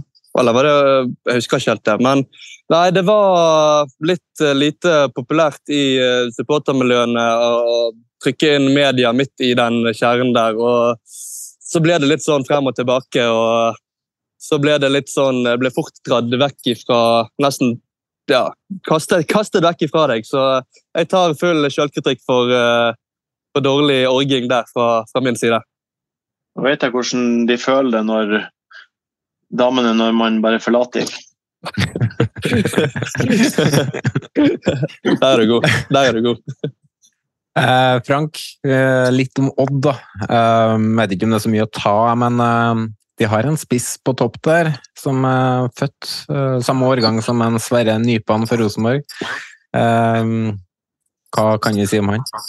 Ah, Faniel til det er en juvel, rett og slett. Og han har så mye med seg i spillet sitt. Han, han er så ung, men uredd. Han har teknikk, han har skuddefot. Det er, altså jeg skrøt av han siste pod, og jeg må jo bare gjenta det på nytt. Vi, vi må snakke mer om gutten, for han er underprata i år. Han har jo bare skåra fem-seks mål, men han har jo nesten ikke spilla noen minutter heller. han har virkelig Jeg tror, jeg tror han har skåringssnitt ett mål per 90 eller noe sånt. Ja, det kan stemme. og altså, Odd sitter på en juvel her, rett og slett. og At, at ikke større, altså, større klubber må komme på banen nå i vinter allerede. For han er 17 år, og verdien hans kommer bare til å øke. Ble du imponert over skåringa her, sånn? Uh, ja, det, det, må jeg si. Altså, Måten han tar seg fra egen banehalvdel frem til mål der og dribler av uh, veldig mange spillere, det, det, er en stor prestasjon. Så må man jo si at ikke det var helt patent uh, defensiv struktur på, på Brann der. Når, når Sivert Helte Nielsen, som liksom skal være ryddegutten, gir slipp på ballen når han skal spille gjennom Heggebø. Men um, så det, det, var litt mangel på struktur der, men for all del, man skal ikke ta noe ifra prestasjonen til Tevelde går jo fra 20 meter på egen banehalvdel der og hele veien gjennom. Det sjelden man ser det i Eliteserien, men du er inne på det. Det var ikke all verden til forsvarsspill heller. Men Sean, tusen takk for at du kunne stille opp på kort varsel. Så ønsker vi deg lykke til resten av sesongen, og så snakkes vi helt sikkert igjen. Vi shottes i Bergen. Det gjør vi. Tusen takk for at jeg fikk lov til å være med, og så lykke til med resten av sesongen. Altså, Jeg orker ikke å diskutere om folk tar hverandre opp i ræva, eller hva det er for noe sånt.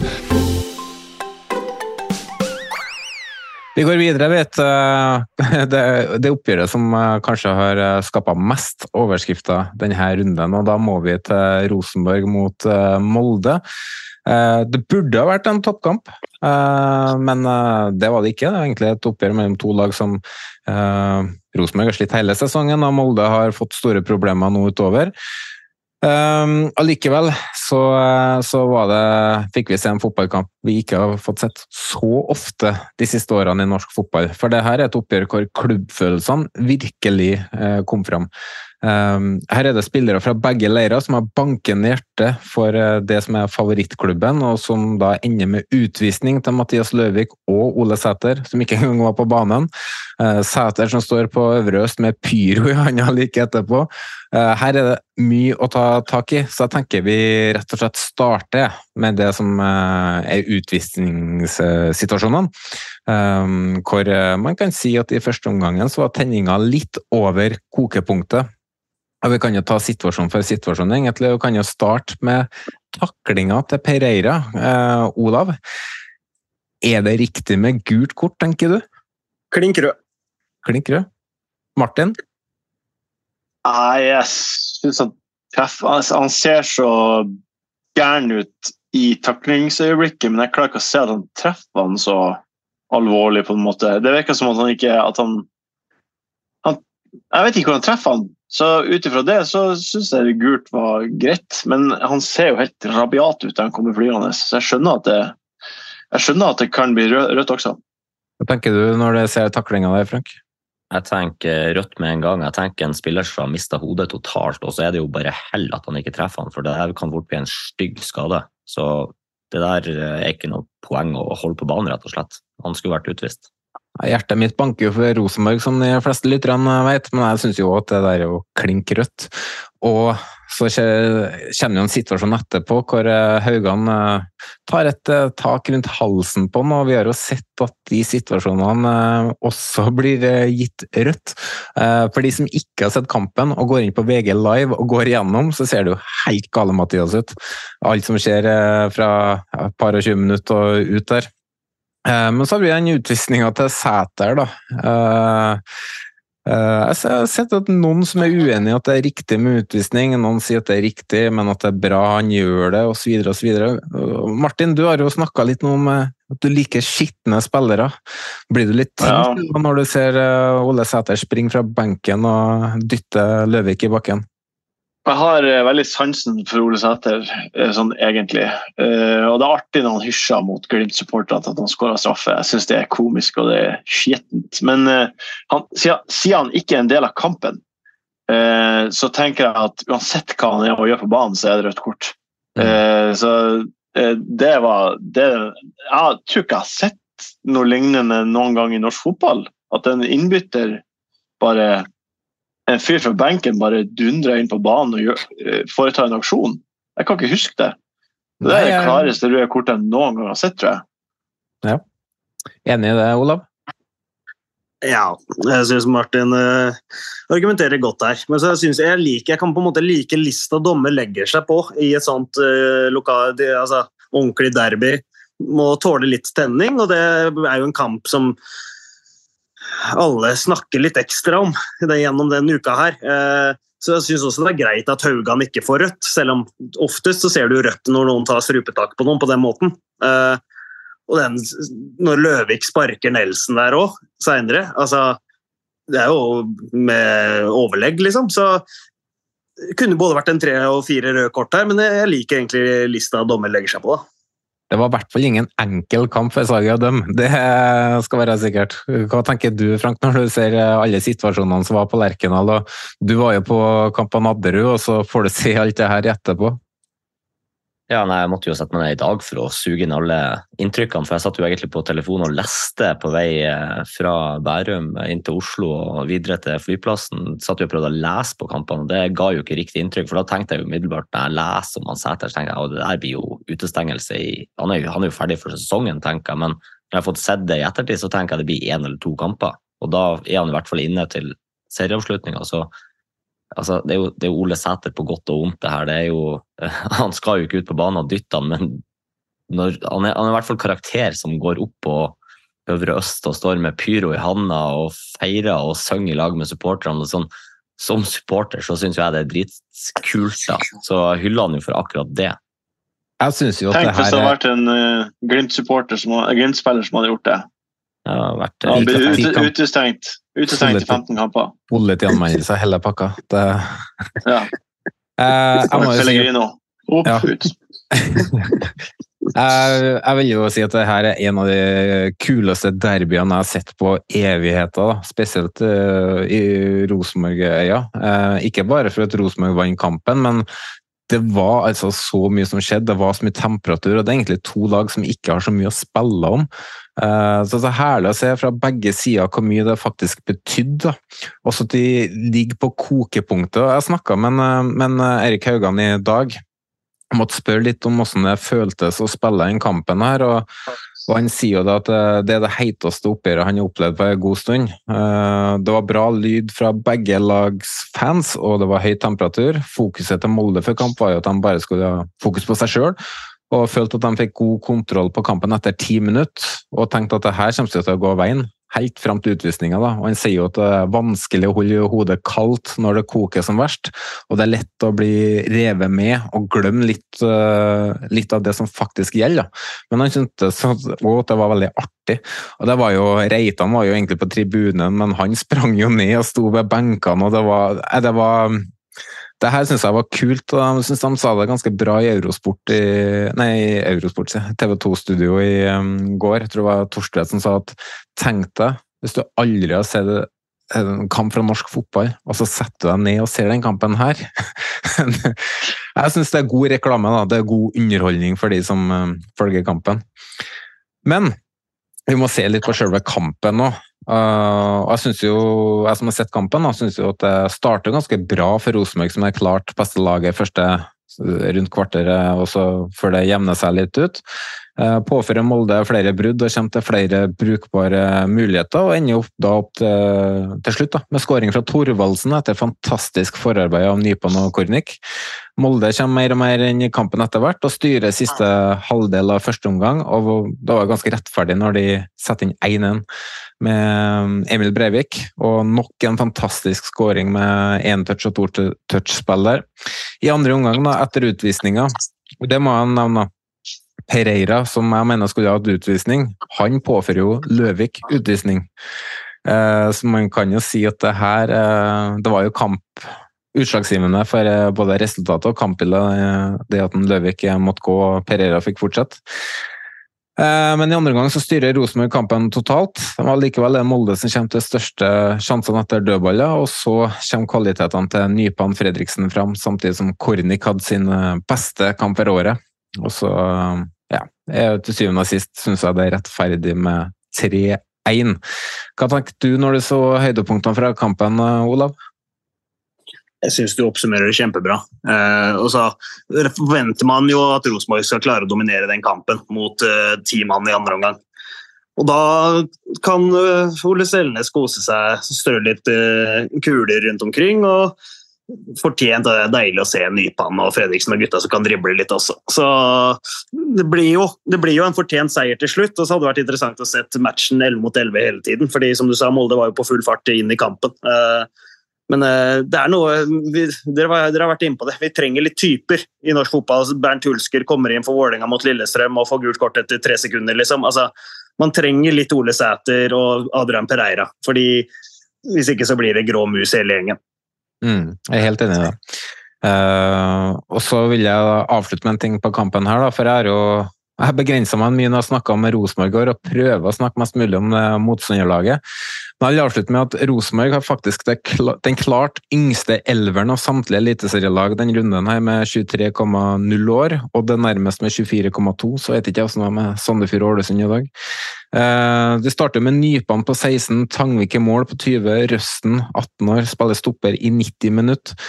Thorvaldsen blir bedre og bedre, Nelson og Fredriksen på kant ser bedre og bedre ut, spesielt de to siste kampene, og Nelson er blant de hurtigste i Eliteserien. Og nå begynner han å bli enda mer framoverretta med og uten ball eh, også. Eh, så til neste år er jo også Henriksen, Reitan, Noah Holm, Augustinsson, Tagset tilbake. Børke er jo heller ikke med nå, er tilbake. Så man har kanskje vært den Ja, vi får jo se da, eh, til neste år nå, men jeg syns det ser litt Kan se litt mer positivt på, med Rosenborg-øya nå, eller hva tenker du, Frank? Nei, Jeg er jo spent på hva dere gjør med treneren neste år, for eh, han som er der i dag, mener jeg ikke kan fortsette. Så helt eh, avgjørende hvem dere henter der, rett og slett, før jeg kan gi Rosenborg en dom om de kan være med å kjempe om medalje akkurat denne trenersituasjonen er jeg spent på sjøl òg, men han leverte nå i hvert fall en bra søknad kampen eh, her, da, vil jeg si. Men eh, det skal mer til enn én en kamp for å mm? Du kan ikke levere én god søknad og elleve dårlige? Nei, jeg er enig i det.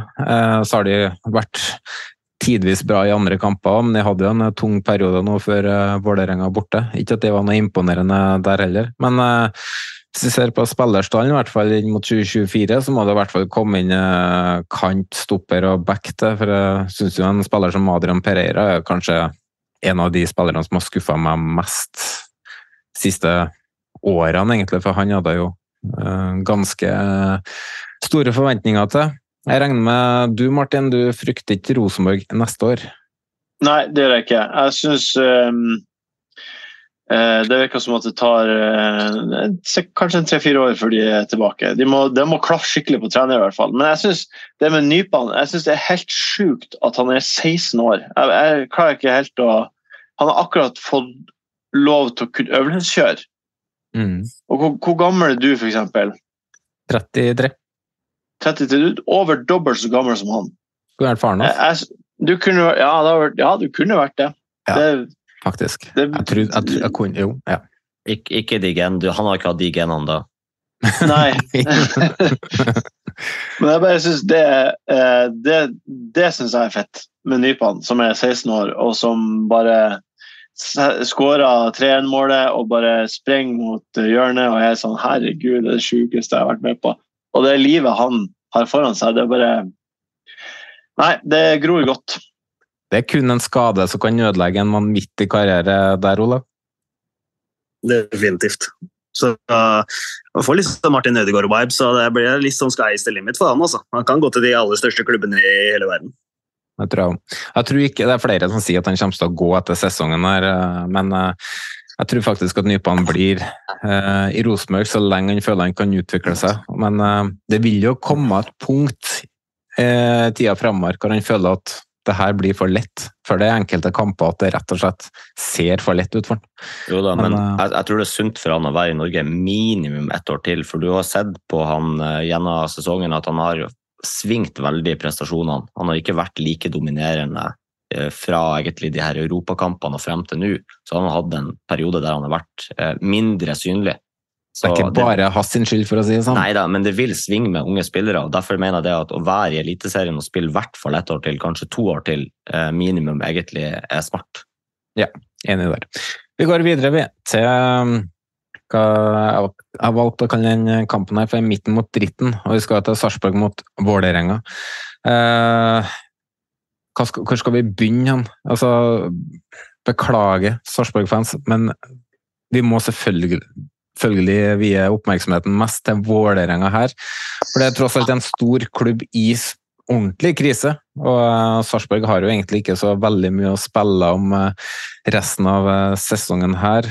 Olav, hva tenker du når du ser det Vålerenga holder på med nå om dagen?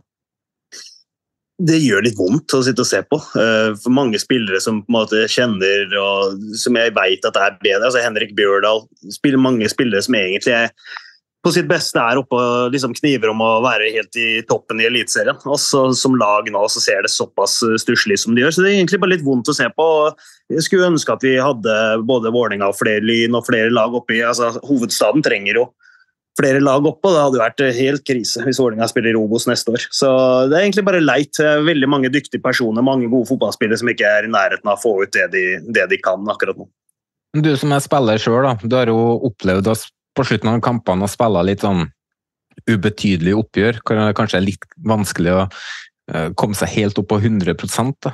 Og Sarpsborg er jo der nå, de har jo ikke all verden å spille for. Og så har du Vålerenga som har kniven mot strupen og spiller med livet som innsats, eller burde i hvert fall gjort. Er det ikke litt spesielt at Sarpsborg kan dra det her så enkelt som de gjør i landet? På en måte, Hvis du snakker rent motivasjon, så burde det jo ikke vært mulig. Men eh, Sarpsborg er gode i fotball. De har veldig veldig bra grunnspill med Billborn-ball, eh, hvor gutta veit å finne hverandre. og Da blir Vålerenga løp imellom. Så det, det er jo det er sånn klassiske gamle dager så hørte du da dere må løpe, for dere kan ikke være slitne engang. Ja, men du er kanskje mer sliten de kampene du løper og jager ball. Du får jo ikke låne den. Så Sarpsborg kan spille med lave skuldre og Vålerenga med kniven på strupen. De, de er inne i en liten blindgate de må fort uh, komme seg ut av. I etterkant av kampen så måtte jo Vålerenga-spillerne og trenerne stå skolerett foran fansen. Eh, hva tenker du når du ser det sånt, Martin? Jeg tenker at det kan ikke være positivt for spillerne. Jeg, jeg, kan ikke, jeg kan ikke fatte og begripe at det skal ha noe for seg for de spillerne. Uh, som at de ikke vil det allerede nok. det virker som ekstra press og ekstra stress og helt urimelig. Du som spiller, Olav, hvordan hadde du følt det hvis du ser for deg at du er Vålerenga-spiller nå? En storklubb som absolutt ikke bør være der som underpresterer, dårlig sjøltillit, ikke flyt, alt går imot deg, og så skal du stå etter et tap foran, hjemme, foran fansen og bli slakta, rett og slett. Da. Hvordan har du tatt det? Se på det mentalt sett, da. Jeg er jo enig med Martin. Rent isolert så er det jo mer energitappende enn det gir. Samtidig så er det sånn, Likegyldighet er jo det verste i fotball, og det ønsker man jo for all del ikke. så det er liksom sånn, De er jo en fantastisk fanskare, og man må jo pleie forholdet til dem, fordi fotball er følelser, og de skal få lov til å uttrykke seg. Men rent isolert sånn fra et sportslig perspektiv så tror jeg ikke spillerne har større sjanse for å slå Stabæk til helga ved at de må stå der og forsvare det. Men litt sånn, jeg sliter med å se hvordan man skal komme seg unna det også. Jeg har sett det her flere tilfeller fra andre lag òg. Rosenborg har jo måttet ha stått skolerett foran publikum. Jeg kjenner at jeg, jeg blir litt irritert når jeg ser det. For det er jo ikke akkurat sånn at Vålerenga-spillerne ikke yter maks. Jeg hører eller ser flere som mener at de gir ikke maks, men det er jo ikke det det handler om. Altså, de, de yter maks, de må kanskje mer til, men de er jo, de er jo redd. De er redd for konsekvensen av å gjøre feil, av å tape. Og, og de ser alle hva skal jeg si, at de, de lever jo i frykt. det, det ser du nesten på dem. Du har jo ørene under skulderhøyde omtrent utpå der. Eh, det er ingen spillere med ball som tør å se etter de der eh, kreative løsningene. Det får du jo mye tyn for fra fansen, at de bare spiller støtte. Det kan være at de ikke tør å slå den ballen framover, for de er redd for å miste den og være den spilleren som gjør feil. Da.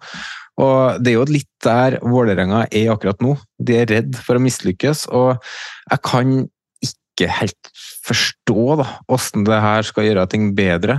Eh, jeg snakka med Frode Johnsen, og han sa jo at når det var Japan og de tapte kamp, så måtte jo de å stå sånn foran publikum. Så fikk de kjeft i ett minutt, og etter, etter ett minutt så var det full applaus og supportersang etterpå. Men eh, jeg, jeg sliter med å forstå om det, at det der kan ha en positiv eh, innvirkning når det Vålerenga-spillerne egentlig trenger, er sjøltillit og tro på egne ferdigheter. Men, uh, den likte jeg godt, den kan du innføre. Da får de først litt kjeft, og så får supporterne letta litt på trykket, og så er det full applaus og god stemning etterpå, så kan de stige inn i uka med det.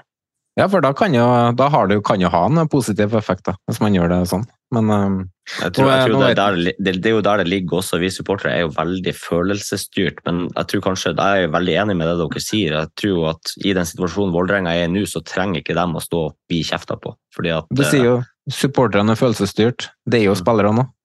Jo, jo, men supporterne er jo Og så er det kanskje litt promille i bildet. Noen som altså, det, det, er noen som bare tok den litt for langt der. Også, men, men de må jo bare nu, altså, Klanen og Østblokka er jo blant de beste i Norge, og nå må de neste kamp er mot Stabæk. De må bare trykke til som de aldri har gjort før i år, for å vise at de har laget i ryggen når neste kamp kommer. Jeg skulle jo egentlig slakte Geir Bakke forrige episode, når jeg ikke var her. Men jeg fant fram noe statistikk for åssen det har gått med Vålerenga etter at Geir Bakke kom. For med, kamp, med Bakke nå så har de spilt 15 kamper. De har tre seire, fire uavgjort og åtte tap. De har skåra 21 mål og sluppet inn 30, altså 13 poeng på 15 kamper, som da er 0,86 i snitt. Eh, med Fagermo så hadde de ett poeng i snitt per kamp. Så eh, det er ikke akkurat eh, et trenerbytte som har gitt gevinst for, eh, for eh, Vålerenga det her. Så får vi se, da. Jeg tror eh, Vi har sagt det hver kamp nå, at taper de kampen her, så rykker de ned. Så hvis det vi sier stemmer, så har de jo rykka ned. Men den neste kampen mot Stabæk, den blir jo Den avgjør egentlig alt, vil jeg si. Hvordan går det med Ålesund? Uh, trøbbelet der. Sandefjord har vunnet 3-0 mot Ålesund, og kampen er ferdig for en liten stund siden. Men det betyr at Vålerenga ligger på 15.-plass. Så de må, bare, de må ikke bare unngå tap mot Stabæk, de må også vinne. Det må de. Så har det HamKam-oppgjør eh, etterpå, og så kommer Tromsø på besøk til Intility i siste kamp. En kamp som mest sannsynlig Tromsø må ha poeng ifra. Så um, det, om det ikke er spøker nok fra før eh, på Valle, så gjør det det i hvert fall nå. Og da går vi til den kampen som dere var inne på, Ålesund mot Sandefjord. Eh, Frank, du har uh, hatt et lite øye til den kampen. og du, du sa jo etter første omgangen at Ålesund uh, så skarpest ut, og at det så ut som at det var de som ja, ville det mest. Ja, eller i hvert fall altså Det er jo ikke rettferdig å sitte her og si det lille jeg har sett av andre omgang, men eh, det jeg registrerer, er jo at Sandefjord vinner 3-0 til slutt. Men i første omgangen så virka det som at Ålesund spilte på en måte med skuldrene litt sånn ned, mens Sandefjord virka nervøs. Det var det jeg tok med meg inn til pause, og så får Sandefjord et tidlig mål i andre omgang. og som sagt, det er ikke rettferdig å sette og snakke om kampen nå når jeg egentlig har hatt fokus på poden og den har bare stått på i bakgrunnen, men de vinner jo komfortabelt 3-0, da, og nå er de jo klatra ikke bare forbi Vålerenga, men også Stabæk, og er på trygg grunn akkurat nå med 25 poeng på bedre målforskjell enn Stabæk. Så det blir et rottereis der nede. Jeg sa jo det før de siste fire kampene, at jeg trodde at Sandefjord skulle ta åtte poeng. Nå har de tatt fire. Nå har de Rosenborg i neste kamp hjemme. Rosenborg som kommer uten Ole Sæter, uten Noe Holm. Og så er sannelig Isak Thorvaldsson ut med karantene òg. Så det ligger jo til rette for tre nye poeng hjemme mot uh, Rosenborg i neste kamp. Og så har de jo etter hvert Lillestrøm, som kan avgjøre om Vålerenga skal overleve eller ikke i Eliteserien. Ikke minst så skal de spille mot Stabæk i en uh, direkte head-to-head-kamp om nedrykket. Ja, det blir fantastisk avslutning på eh, sesongen. Det skal være sikkert. Vi flytter oss over til rundens pluss og minus. eh, Vi. Og Martin, har du rundens eh, pluss til oss? Jeg syns eh, Posse i Stabæk og innsatsen han gjorde umiddelbart eh, etter kamp, eh, de grepene han tar nå, det ønsket han har om å komme til bunns i om det ble Hva som skjedde, om det skjedde noe. Det syns jeg er forbilledlig, og eh, det er meget bra at en supporterleder er så tydelig og aggressiv og på ball, rett og slett. Olav? Uh, Vegard Bakkhaug eh, la ut eh, intervju av Johannes Mosgaard i går. Og Det var et særdeles sterkt intervju etter at Koffa rykka opp. Hvor han eh, først er rørt og har noen tårer, og så avslutter han med å fyre seg opp der over alle som eh, klager på lite små budsjetter og sånn. Så rundens pluss Johannes eh, Mosgaard sitt intervju, meget sterkt for alle som ikke har sett det. Gå på Twitter og les. Nei, og se. Det er litt av en søknad du sender til Koffa her nå. Det, det, det, kunne jeg, det kunne jeg gjort selv om jeg hadde lagt opp det er fine folk over hele fjøla, så det er fullt fortjent. Frank, rundens pluss. Ja, det er jo tungt å si det, men vi skal helt nord i landet. Vi skal til Tromsø, og som supporter så er jeg glad i pyro. Og det showet de leverte på Romsa Arena før kampstart der, det det var nydelig å se på. Og så en liten pluss til eh, tidligere gjest i podden, eh, Kim Rolund, som eh, jeg ser noen badevideoer fra, fra Tromsø der han eh, står oppå badstua der og stupe ut i havet og få kjent på iskald eh, nordnorsk eh, sjøvann. Så attpåtil tar han seg pils ut i vannet, så det er en liten pluss til han òg. Kim Rolen var mye på TV-en han i VAR-merch fra oss, så det var kult å se. Jeg har uh, tatt ut en rundens pluss sjøl, og um, den, den, skal jeg gi til en annen keepertrener. For i går så, Vi må til Grimstad, da, for Jerv tok imot Åsane. Jerv har ansatt Lars Bohinen som ny trener og skal redde klubben fra nedrykk til andredivisjon. Det er 0-0. Vi er det 90. minutt. Jerv ligger det øyeblikket på 15.-plass, som gir direkte nedrykk. Med skåring på, på overtid så ville de ha passert Hødd og endte opp likt med Åsane, men med litt dårligere målforskjell. Og det er jo som regel et drømmescenario for en keeper å få uh, straffesparket mot på overtid, og kan da bli uh, den store helten. Det er noe av de fleste keeperne drømmer om. Problemet her er at det er jo ikke keeperen til Åsane som står i mål, det er keepertreneren som står i mål. Og uh, Han har jo vært ute på banen i flere kamper i år uh, pga. skade. Men det var ikke noe problem igjen. Han redder faktisk straffesparket fra Jerv på overtid. Og nå ligger Jerv Det er én seriekamp igjen, og Jerv ligger på nedrykksplass. Og det er ett poeng opp til Hødd på plassen foran. Men det holder ikke med uavgjort, da målforskjellen til Jerv er altfor dårlig. Så de må vinne siste seriekamp for å overleve i Obos-ligaen. Og i siste seriekamp, da skal de spille borte mot Fredrikstad. Det går ikke veien for Lars Bohinen i 2023. Har du rundens minus, Martin?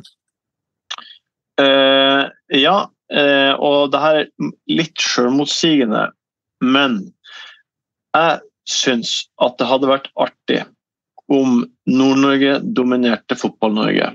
Jeg vil alltid at Glimt skal være over Tromsø. Så mitt minus er egentlig til Tromsø, som sklir eh, Som tar en Viking eh, i de to eh, ganske enkle hjemmekampene de skal ha. Eh, jeg, jeg gjentar. Glimt eh, Jeg unner Tromsø ikke noe særlig godt, men det hadde vært artig med de to beste lagene fra Nord-Norge. Og at da tror jeg at eh, om 16. mai-kampene mot Tromsø hadde, har hatt fyr i seg tidligere, så hadde det blitt enda mer fyr nå. Og de oppgjørene er som regel de artigste å se på. For Glimt vinner som regel, men Så minus til Tromsø. Skjerp dere. Jeg syns det har vært eh, morsomt om, om det blir innført Nordlandsserien igjen. Olav, rundens minus? Vi må til Nadderud og rasismen som vi ikke får bukt med. Uh, unødvendig og dumt og leit at uh, Bris og Mors og gutta må oppleve det uke inn og uke ut. Så det er rundens minus. Enig. Frank? Eh, rundens minus for meg er mandagskamper, og det er ikke publikumsvennlig. Forrige helg var det to mandagskamper. Da var det Glimt mot eh, Lillestrøm. Det var årets dårligst besøkte kamp på Aspmyra. Det var oppgitt 5800 solgte, men det var garantert ikke mer enn 5000 på Aspmyra den kvelden. Eh, Molde tok også mot Tromsø da, og det var maks 2000 på Røkkeløkka. Og i kveld så møtte da Ålesund og Sandefjord hverandre. og altså det her er ikke for å ta de som møtte møtte opp, altså kudos til de som møter opp på stadion og lager liv og stemning, men det var glissent også i Ålesund i kveld, dessverre. Eh, helt unødvendig med mandagskamper. Legg heller en ekstra kamp til lørdag. I verste fall, hvis dere ikke skal ha den i helga, ha den fredagskveld, sånn at supportere kan reise, og så kan de ta seg en fest i, som bortesporter og så gjøre noe ut av det, og ikke sette til mandag en ukedag. Mm. Jeg følger Martin på rundens eh, minus. Jeg har eh, sportslig fokus og gir det til lag som må choke. Tromsø Viking som svikter når det gjelder. Tromsø må være i angrepsposisjon for å få resultater, som jeg sa tidligere. Også da sliter jeg med forventningene. Viking tok bare en Viking, og Vålerenga som ikke greier å kjempe ut Sarpsborg, som ikke har noe å spille for. Så det var rundens pluss og minus. Um, vi, vanligvis ville vi ha tatt rundens lag nå, men det har vi jo ikke klart pga. Ålesund og, og Sandefjord, som spiller på en mandag. Så det kommer senere i uka på sosiale medier. Men vi kan kikke veldig kjapt da, på neste runde. Og det er jo noen interessante oppgjør her. Vi har jo Haugesund mot Brann på lørdag, hvor seriegullet kan definitivt bli avgjort. Altså, glimt mot Ålesund. Trenger kanskje ikke å si så mye om den, Frank? Nei, altså Vi drar til Aspmyra for å forberede oss på fest, og det kan jo egentlig bare bli en gedigen nedtur hvis det går til helvete, men det bank i bordet, det skjer ikke. Det kommer ikke til å gå til helvete. Det blir ny rekord med egenmeldinger på mandag i Bodø, tenker jeg. Eh, og så har du jo Sandefjord-Rosenborg, som også er et interessant oppgjør, da. For jeg var inne på det i stad. Rosenborg uten sine tre antatt beste spisser på det opp, til oppgjøret der. og Et Rosenborg som sliter på bortebane. og Sandefjord kan uh, nærmest sikre plassen, vil jeg si, med seier hvis andre resultater går deres vei. Og så har vi jo Viking mot Sarpsborg, da. kampen hvor Viking ikke tåler å tape om det skal bli medalje, tror jeg. Eller tar de en Viking? Vi får se. Eh, så har vi jo Godset mot eh, Kamma, også interessant for Kamma, som egentlig bare et poeng unna å sikre plassen. Så har du Vålerenga-Stabæk, og det er vel kanskje det mest interessante oppgjøret i helga som kommer, eller Olav? Det blir et, eh, forhåpentligvis et fyrverkeri. Begge lag med kniv på strupen. Og forhåpentligvis to lag som tør å slippe seg litt løs, og så får vi et, et spennende oppgjør der med litt sjanse begge veier. Så har du Odd mot Tromsø, også interessant med tanke på Tromsø. Og så har du Molde-Lillestrøm-kampen om femteplassen, eh, som har utvikla seg til å bli. Kun to poeng som eh, skiller lagene. Er det et oppgjør som eh, peker seg ut for deg, Martin? Bortsett fra, bortsett fra det som påvirker Glimt, da? Nei, det er jo eh, Vålerenga-Stabæk. Jeg er jo også jeg er jo enig med Olav. Jeg syns at eh, jeg tror Eliteserien blir fattigere uten Vålerenga. Så jeg ja, nei, jeg, jeg, jeg syns Vålerenga har eh, Det er mye drit med Vålerenga. Og det er mye drit på Twitter med Vålerenga, men eh, jeg tror Eliteserien er bedre med Vålerenga. Så jeg håper Jeg håper de klarer seg. Å, men det er klart, jeg vil si én ting. Og det, det, er helt, helt utrolig. Nei, jeg skal ikke si noe mer. Nå er jeg, kom, kom med det. så forbanna, så jeg ser rett ut. Vi går over til drømmeelver, vi. Det er ikke noe vi pleier å ha, men har gitt uh, alle tre en utfordring med å ta med hvert sitt uh, drømmelag. Men med litt ulike oppgaver, da. For Martin, du skal ha med en elver med spillere som har jobba i TV etter endt karriere. Har du fått satt ja. opp et lag, eller? Det har jeg gjort, og det var jo litt vanskelig. Og så kan man også tenke hva, hva konstituerer en spiller? Er det Jeg har et par et par valg jeg har tatt som kanskje ikke er akseptert av eh, forbundet vi sitter i, men vi prøver. Eh, I mål så har jeg, kunne jeg gått for Frode Grådås. Eh, eh fordi han var med på, han er med på Forræder. Mm. Eh, men jeg går for Jamel Rake. For han har også stått keeper. Eh, og er en habil keeper på et veldig dårlig nivå. Eh, eller lavt nivå er bedre å si. Og, og den er tynn. Jeg tar kritikk allerede nå. Jamel Rake i mål. Dårlig valg, burde tatt Grodås. Syns det er artig. Jeg vil ha Mats Hansen på høyreback. Det syns jeg var det mest opplagte. Eh, fordi han er jo en nær kollega som jeg har laga masse artige greier med. Eh, så han var klink. Jeg har tenkt at jeg må ha kvinner i det laget her. Og en av mine forhold til, til kvinnefotball, sterkeste forhold, er Sydney-OL i 2000. Når de gikk i sånn her human centipede-feiring på slutten, og alle sammen gikk på kne. og det, det, husker jeg bare så godt. Så da kjørte jeg Sole Gulbrandsen og Gro Espeseth inn i Midtforsvaret. Ja. Vi har jo alle sett uh, serien uh, Fan av Flint, regner jeg med. Så Jon Arne Riise er selvskreven på venstreback. Det er fint. På midtbanen så uh, Ankeret på midtbanen det, det, var mange det kunne være. 4-3-3-formasjon. og, og det her er et lite stikk. Fordi det virker for meg som at han er mer trener enn spiller for tida. Så har han lagt opp eller ikke? Kristoffer Løkberg får spille midt på banen min. Rekdal til hans venstre og Morten Ramm til hans høyre. Morten Ramm er en mobil spiller, har trent med Vålerenga og Strømsgodset og spilt opp i andredivisjon, så han er også lagt opp på et tidspunkt. På topp så er det Mini på venstre, fordi han er en artig kar på Farmen. Karev har jo spilt hjemmebane, så han må jo selvfølgelig være med. Og så er det Drillo på høyresida framme. Han har jo eh, pappa eh, når pappa var ung og var på cupfinalen eh, i 75 og 77 og han, Det er han som er grunnen til at jeg er på Glimt, selvfølgelig. Eh, så sa han at han har spilt mot Drillo da han var liksom femtedivisjonsspiller i Oslo. Min far altså. Og han sa at Drillo var så fette god at det var helt ufattelig at hvor god han var. Han kunne ikke forstå hvor god han var. De tapte 11-0 mot det laget, jeg husker ikke hva det var. Og Drillo skårte sånn sju mål i den kampen. Og Drillo har jo vært på TV. Ja, det har han. Så, definitivt. så det må jeg godkjenne, tenker jeg. Jeg syns det, det, var fint lag. Jeg, jeg synes ja. det var fint lag. Variert og bra. Mm. Ola, var det et lag som kan slå det der, eller? For du Nei, det, det var meget, meget bra oppsett. Meget bra oppsett med, med gode begrunnelser. Du må, du må, hilse Jamel Rake, fordi vi har litt felles familie, jeg og Jamel Rake. Fra Libanon? ja, det han gjort. På Sarpsborg politistasjon for en to-tre år siden så møttes vi eh, via Noah, Rake og litt uh, greier. Så han må du hilse fra Olav. Ja, men skal jeg... Og så spilte jeg fotball på, i covid med Morten Ramm på Skeidbanen Nordre Åsen der. Hvor, Nei, Nei, datter... at han er jo decent, da. Han er decent. Og dattera hadde trening, og så ble hun ferdig, men da var jo han fullt i gang med sånn skuddkonkurranse med oss. og da lurte dattera på 'Pappa, kom igjen, da, vi la oss dra'. 'Nei, bare vent litt, pappa driver og skyter her'. Nei, ikke sant. Han klarer ikke å la det ligge. Han klarer ikke å la det ligge, Men han er fin, han har ferdigheter. Uh, mm. Mitt drømmelag vi, Det blir spillere jeg stort sett har spilt med, eller som jeg, jeg har et forhold til i Østfold-fotballen. Så min gode kompis Håvard Grøntvedt Jensen i mål. Brisveen Bangomo på høyrebekk. Har fått en landskamp for Norge. Håper han får flere. Legendene eh, resten av forsvarsfireren er eh, legender i Sarpsborg 08-fotballen. så Ola Eiern Hansen, eh, Joakim Jørgensen og Joakim Thomassen.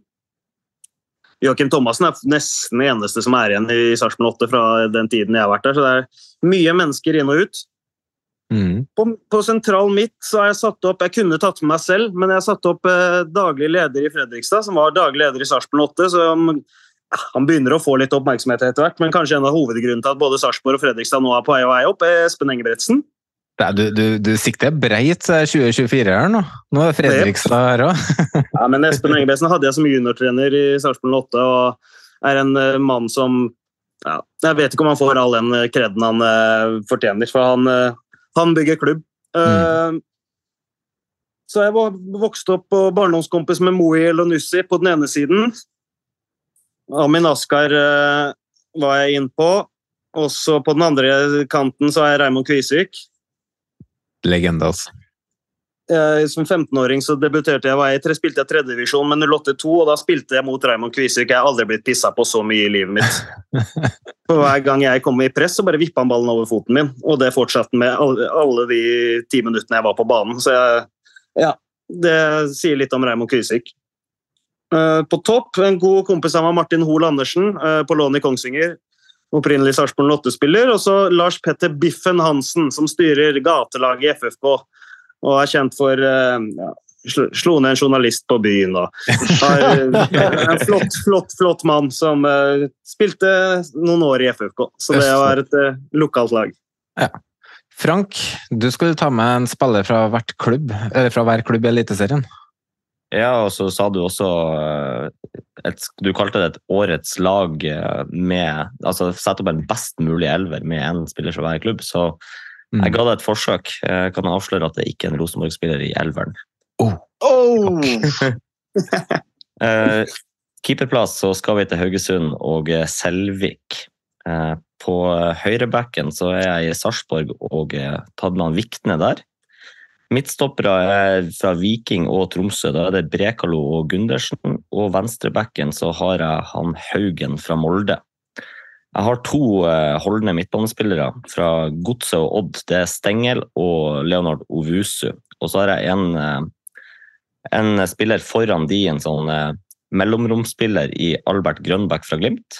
På kantene har jeg Gjermund Aasen fra Lillestrøm og Al-Saed fra Sandefjord. Og på topp har jeg Bård Finne fra Brann. Eh, benken blir da Petterson fra Stabæk for å ha en keeperreserve. Det blir Reitan fra Rosenborg for å ha en forsvarsreserve. Bjørdal fra Vålerenga for å ha en midtbanereserve. Karlsbakk fra Ålesund for å ha en kantreserve. Og Kirkevold fra HamKam for å ha en spissreserve. Sterkt lag. Jeg satte opp en elver sjøl, og jeg gikk for en elver med spillere som er på utgående kontrakt, som ikke har klubb første første. Med mindre noe har skjedd som jeg ikke har fått med meg. da. Uh, André Hansen i mål. Patinama venstreback, Vikne høyreback, uh, Utvik og Gundersen stoppere. Krygård uh, som sekser, Maigård og Antonsen som indreløpere. Gjermund Aasen og Lundqvist på kant, og Jo Inge Berget på topp. Eh, Olav, hva tenker du når du hører laget her? Det skal ikke bli noe problem for mange av de å finne seg klubb, det er det jeg tenker. Det jeg skulle ut etter, er at det er veldig mange fra Sarpsborg. Det er veldig mange fra Sarpsborg.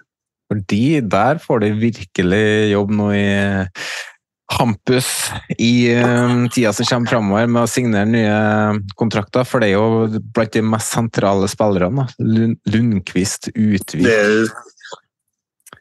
det koker i lokalavisa. Det er uh, det koker i lokalavisa. Det er eh, skriverier nesten daglig om det der. Så du skal bygge et helt nytt lag med en sentrallinje og de fem-seks beste spillerne. Så det, det, er en formidabel jobb på nye svenske Hampus der, sånn. så det blir spennende å se hvem de klarer å lande. fordi Én ting er jo å erstatte utlendinger, det har de klart veldig godt. Men så er det å erstatte f.eks. Utvik på midtstopperplass, som er så god, og som eh, kommer til å få seg en flott klubb et annet sted, mest sannsynlig. Og det er ikke bare bare å erstatte han. Han kommer ikke akkurat til dekka bord, Hampus. da. Og så er Sånn som Vikne, da, han har ikke akkurat hatt en sånn kjempestor karriere i Sarpsborg helt i år. Det år han har blomstra, da har han ett år igjen, så jeg skjønner jo at han holder igjen litt. For jo, han har jo muligheten til å kan gå ut og få en ganske fin sign-on-fee-bonus, så det er jo Så ser jo den. Um, det var egentlig det vi hadde i dag, Frank. Uh, hva planer framover for deg nå? Det er meg? Ja, nei, ja, jo, ja, deg, ja. Nei, hva, hva det var slags spørsmål? Jeg skal, legge, jeg skal legge meg og sove snart. Jeg er sliten etter bortetur i går, så jeg trenger For du, du har ikke tenkt noe på tida framover? Skal du ut og reise, eller skal du, du skal Jo, jo, men jeg har, jeg har, en jobbdag til før jeg drar tre dager til Istanbul for å se Glimt i Europa. Det, det stemmer. Og så kommer det jo et seriegullfeiring enten lørdag eller søndag neste helg, så, så det blir mye alkohol, for å si det sånn. Det er gode dager, Frank. Ja, Jeg vet ikke om Levra er enig. Nei. Vi får se da om du får i hvert fall kost deg. Jeg skal i hvert fall uh, sette meg ned og uh, høre, på, høre, over alle innspillingene fra julekalender og lage litt tidskoder til Snorre for å gjøre det litt enklere for han. Og så skal vi i gang med flere innspillinger tida framover nå. Eh, men jeg tenker vi runder av der, og vi har jo en del som skal takkes, da. Så vi får sende en takk til Jan Erik Balto for episodebildet og for å ha satt opp vår merch-butikk, som dere må gå inn på og kikke litt på. Så har dere muligheten til å få i samme T-skjorte som Kim Rolund. Vi må også takke Jesper Horten Skjærnes for jingla. Dagens gjester. Olav Øby og Martin Sleipnes, takk for at dere stilte opp her. Bare hyggelig. Takk, Takk for at dere jeg fikk være med. Invitert. Så... Det er Hyggelig å bli bedre kjent med Olav. Han virker som en alle tiders fyr, altså. Ja, I like måte, Martin. Ordentlig kult. Og så er det litt kult at vi har sånn litt, litt felles bekjente der. Det er bare å finne en klubb i Oslo, eh, Olav. Så ble det noen turer ut på byen med Martin, tenker jeg. Sier jeg finner en klubb i Oslo, så plinger jeg på Martin på et tidspunkt her med andre greier. Takk til dere som eh, lytter på oss, de som ennå henger med i den nesten to timers episoden. Vi er tilbake med en ny episode neste uke, og da skal vi ha med oss Marius eh, Skjelbæk, og så muligens en gjest til. Um, og så, ja Vi sier at that's it. All right. Bye, bye.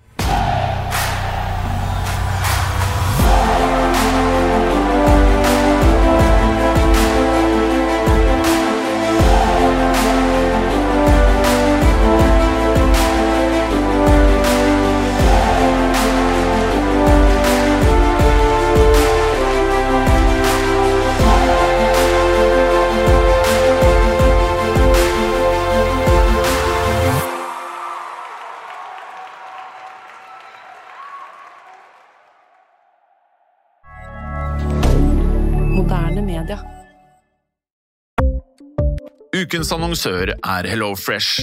HelloFresh er verdens ledende matkasseleverandør og kan være redningen i en travel hverdag.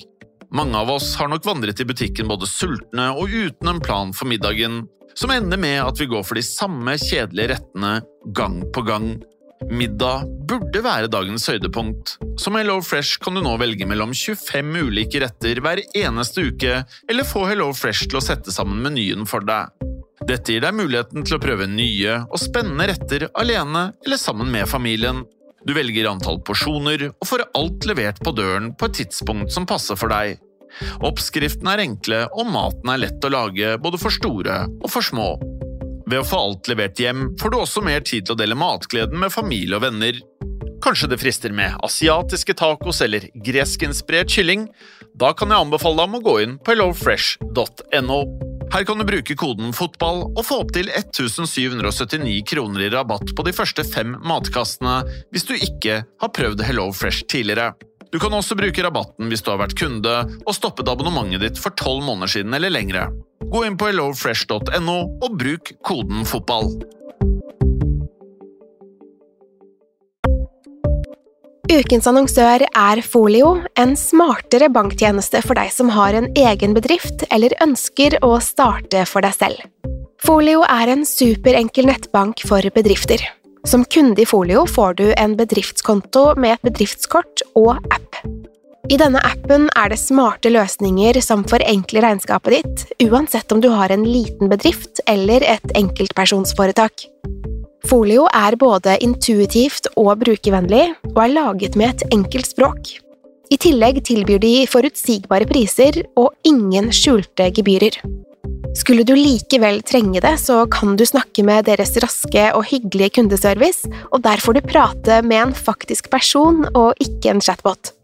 Folio er med andre ord både enklere og koseligere enn banken. Over 10 000 bedrifter har allerede valgt Folio som sin banktjeneste, så besøk folio.no og se hvordan Folio kan forenkle din hverdag også. Har du et enkeltpersonforetak eller en liten bedrift? Da er du sikkert lei av å høre meg snakke om hvor enkelt er med kvitteringer og bilag i fiken, så vi eh, gir oss her, vi. Fordi vi liker enkelt. Fiken superenkelt regnskap.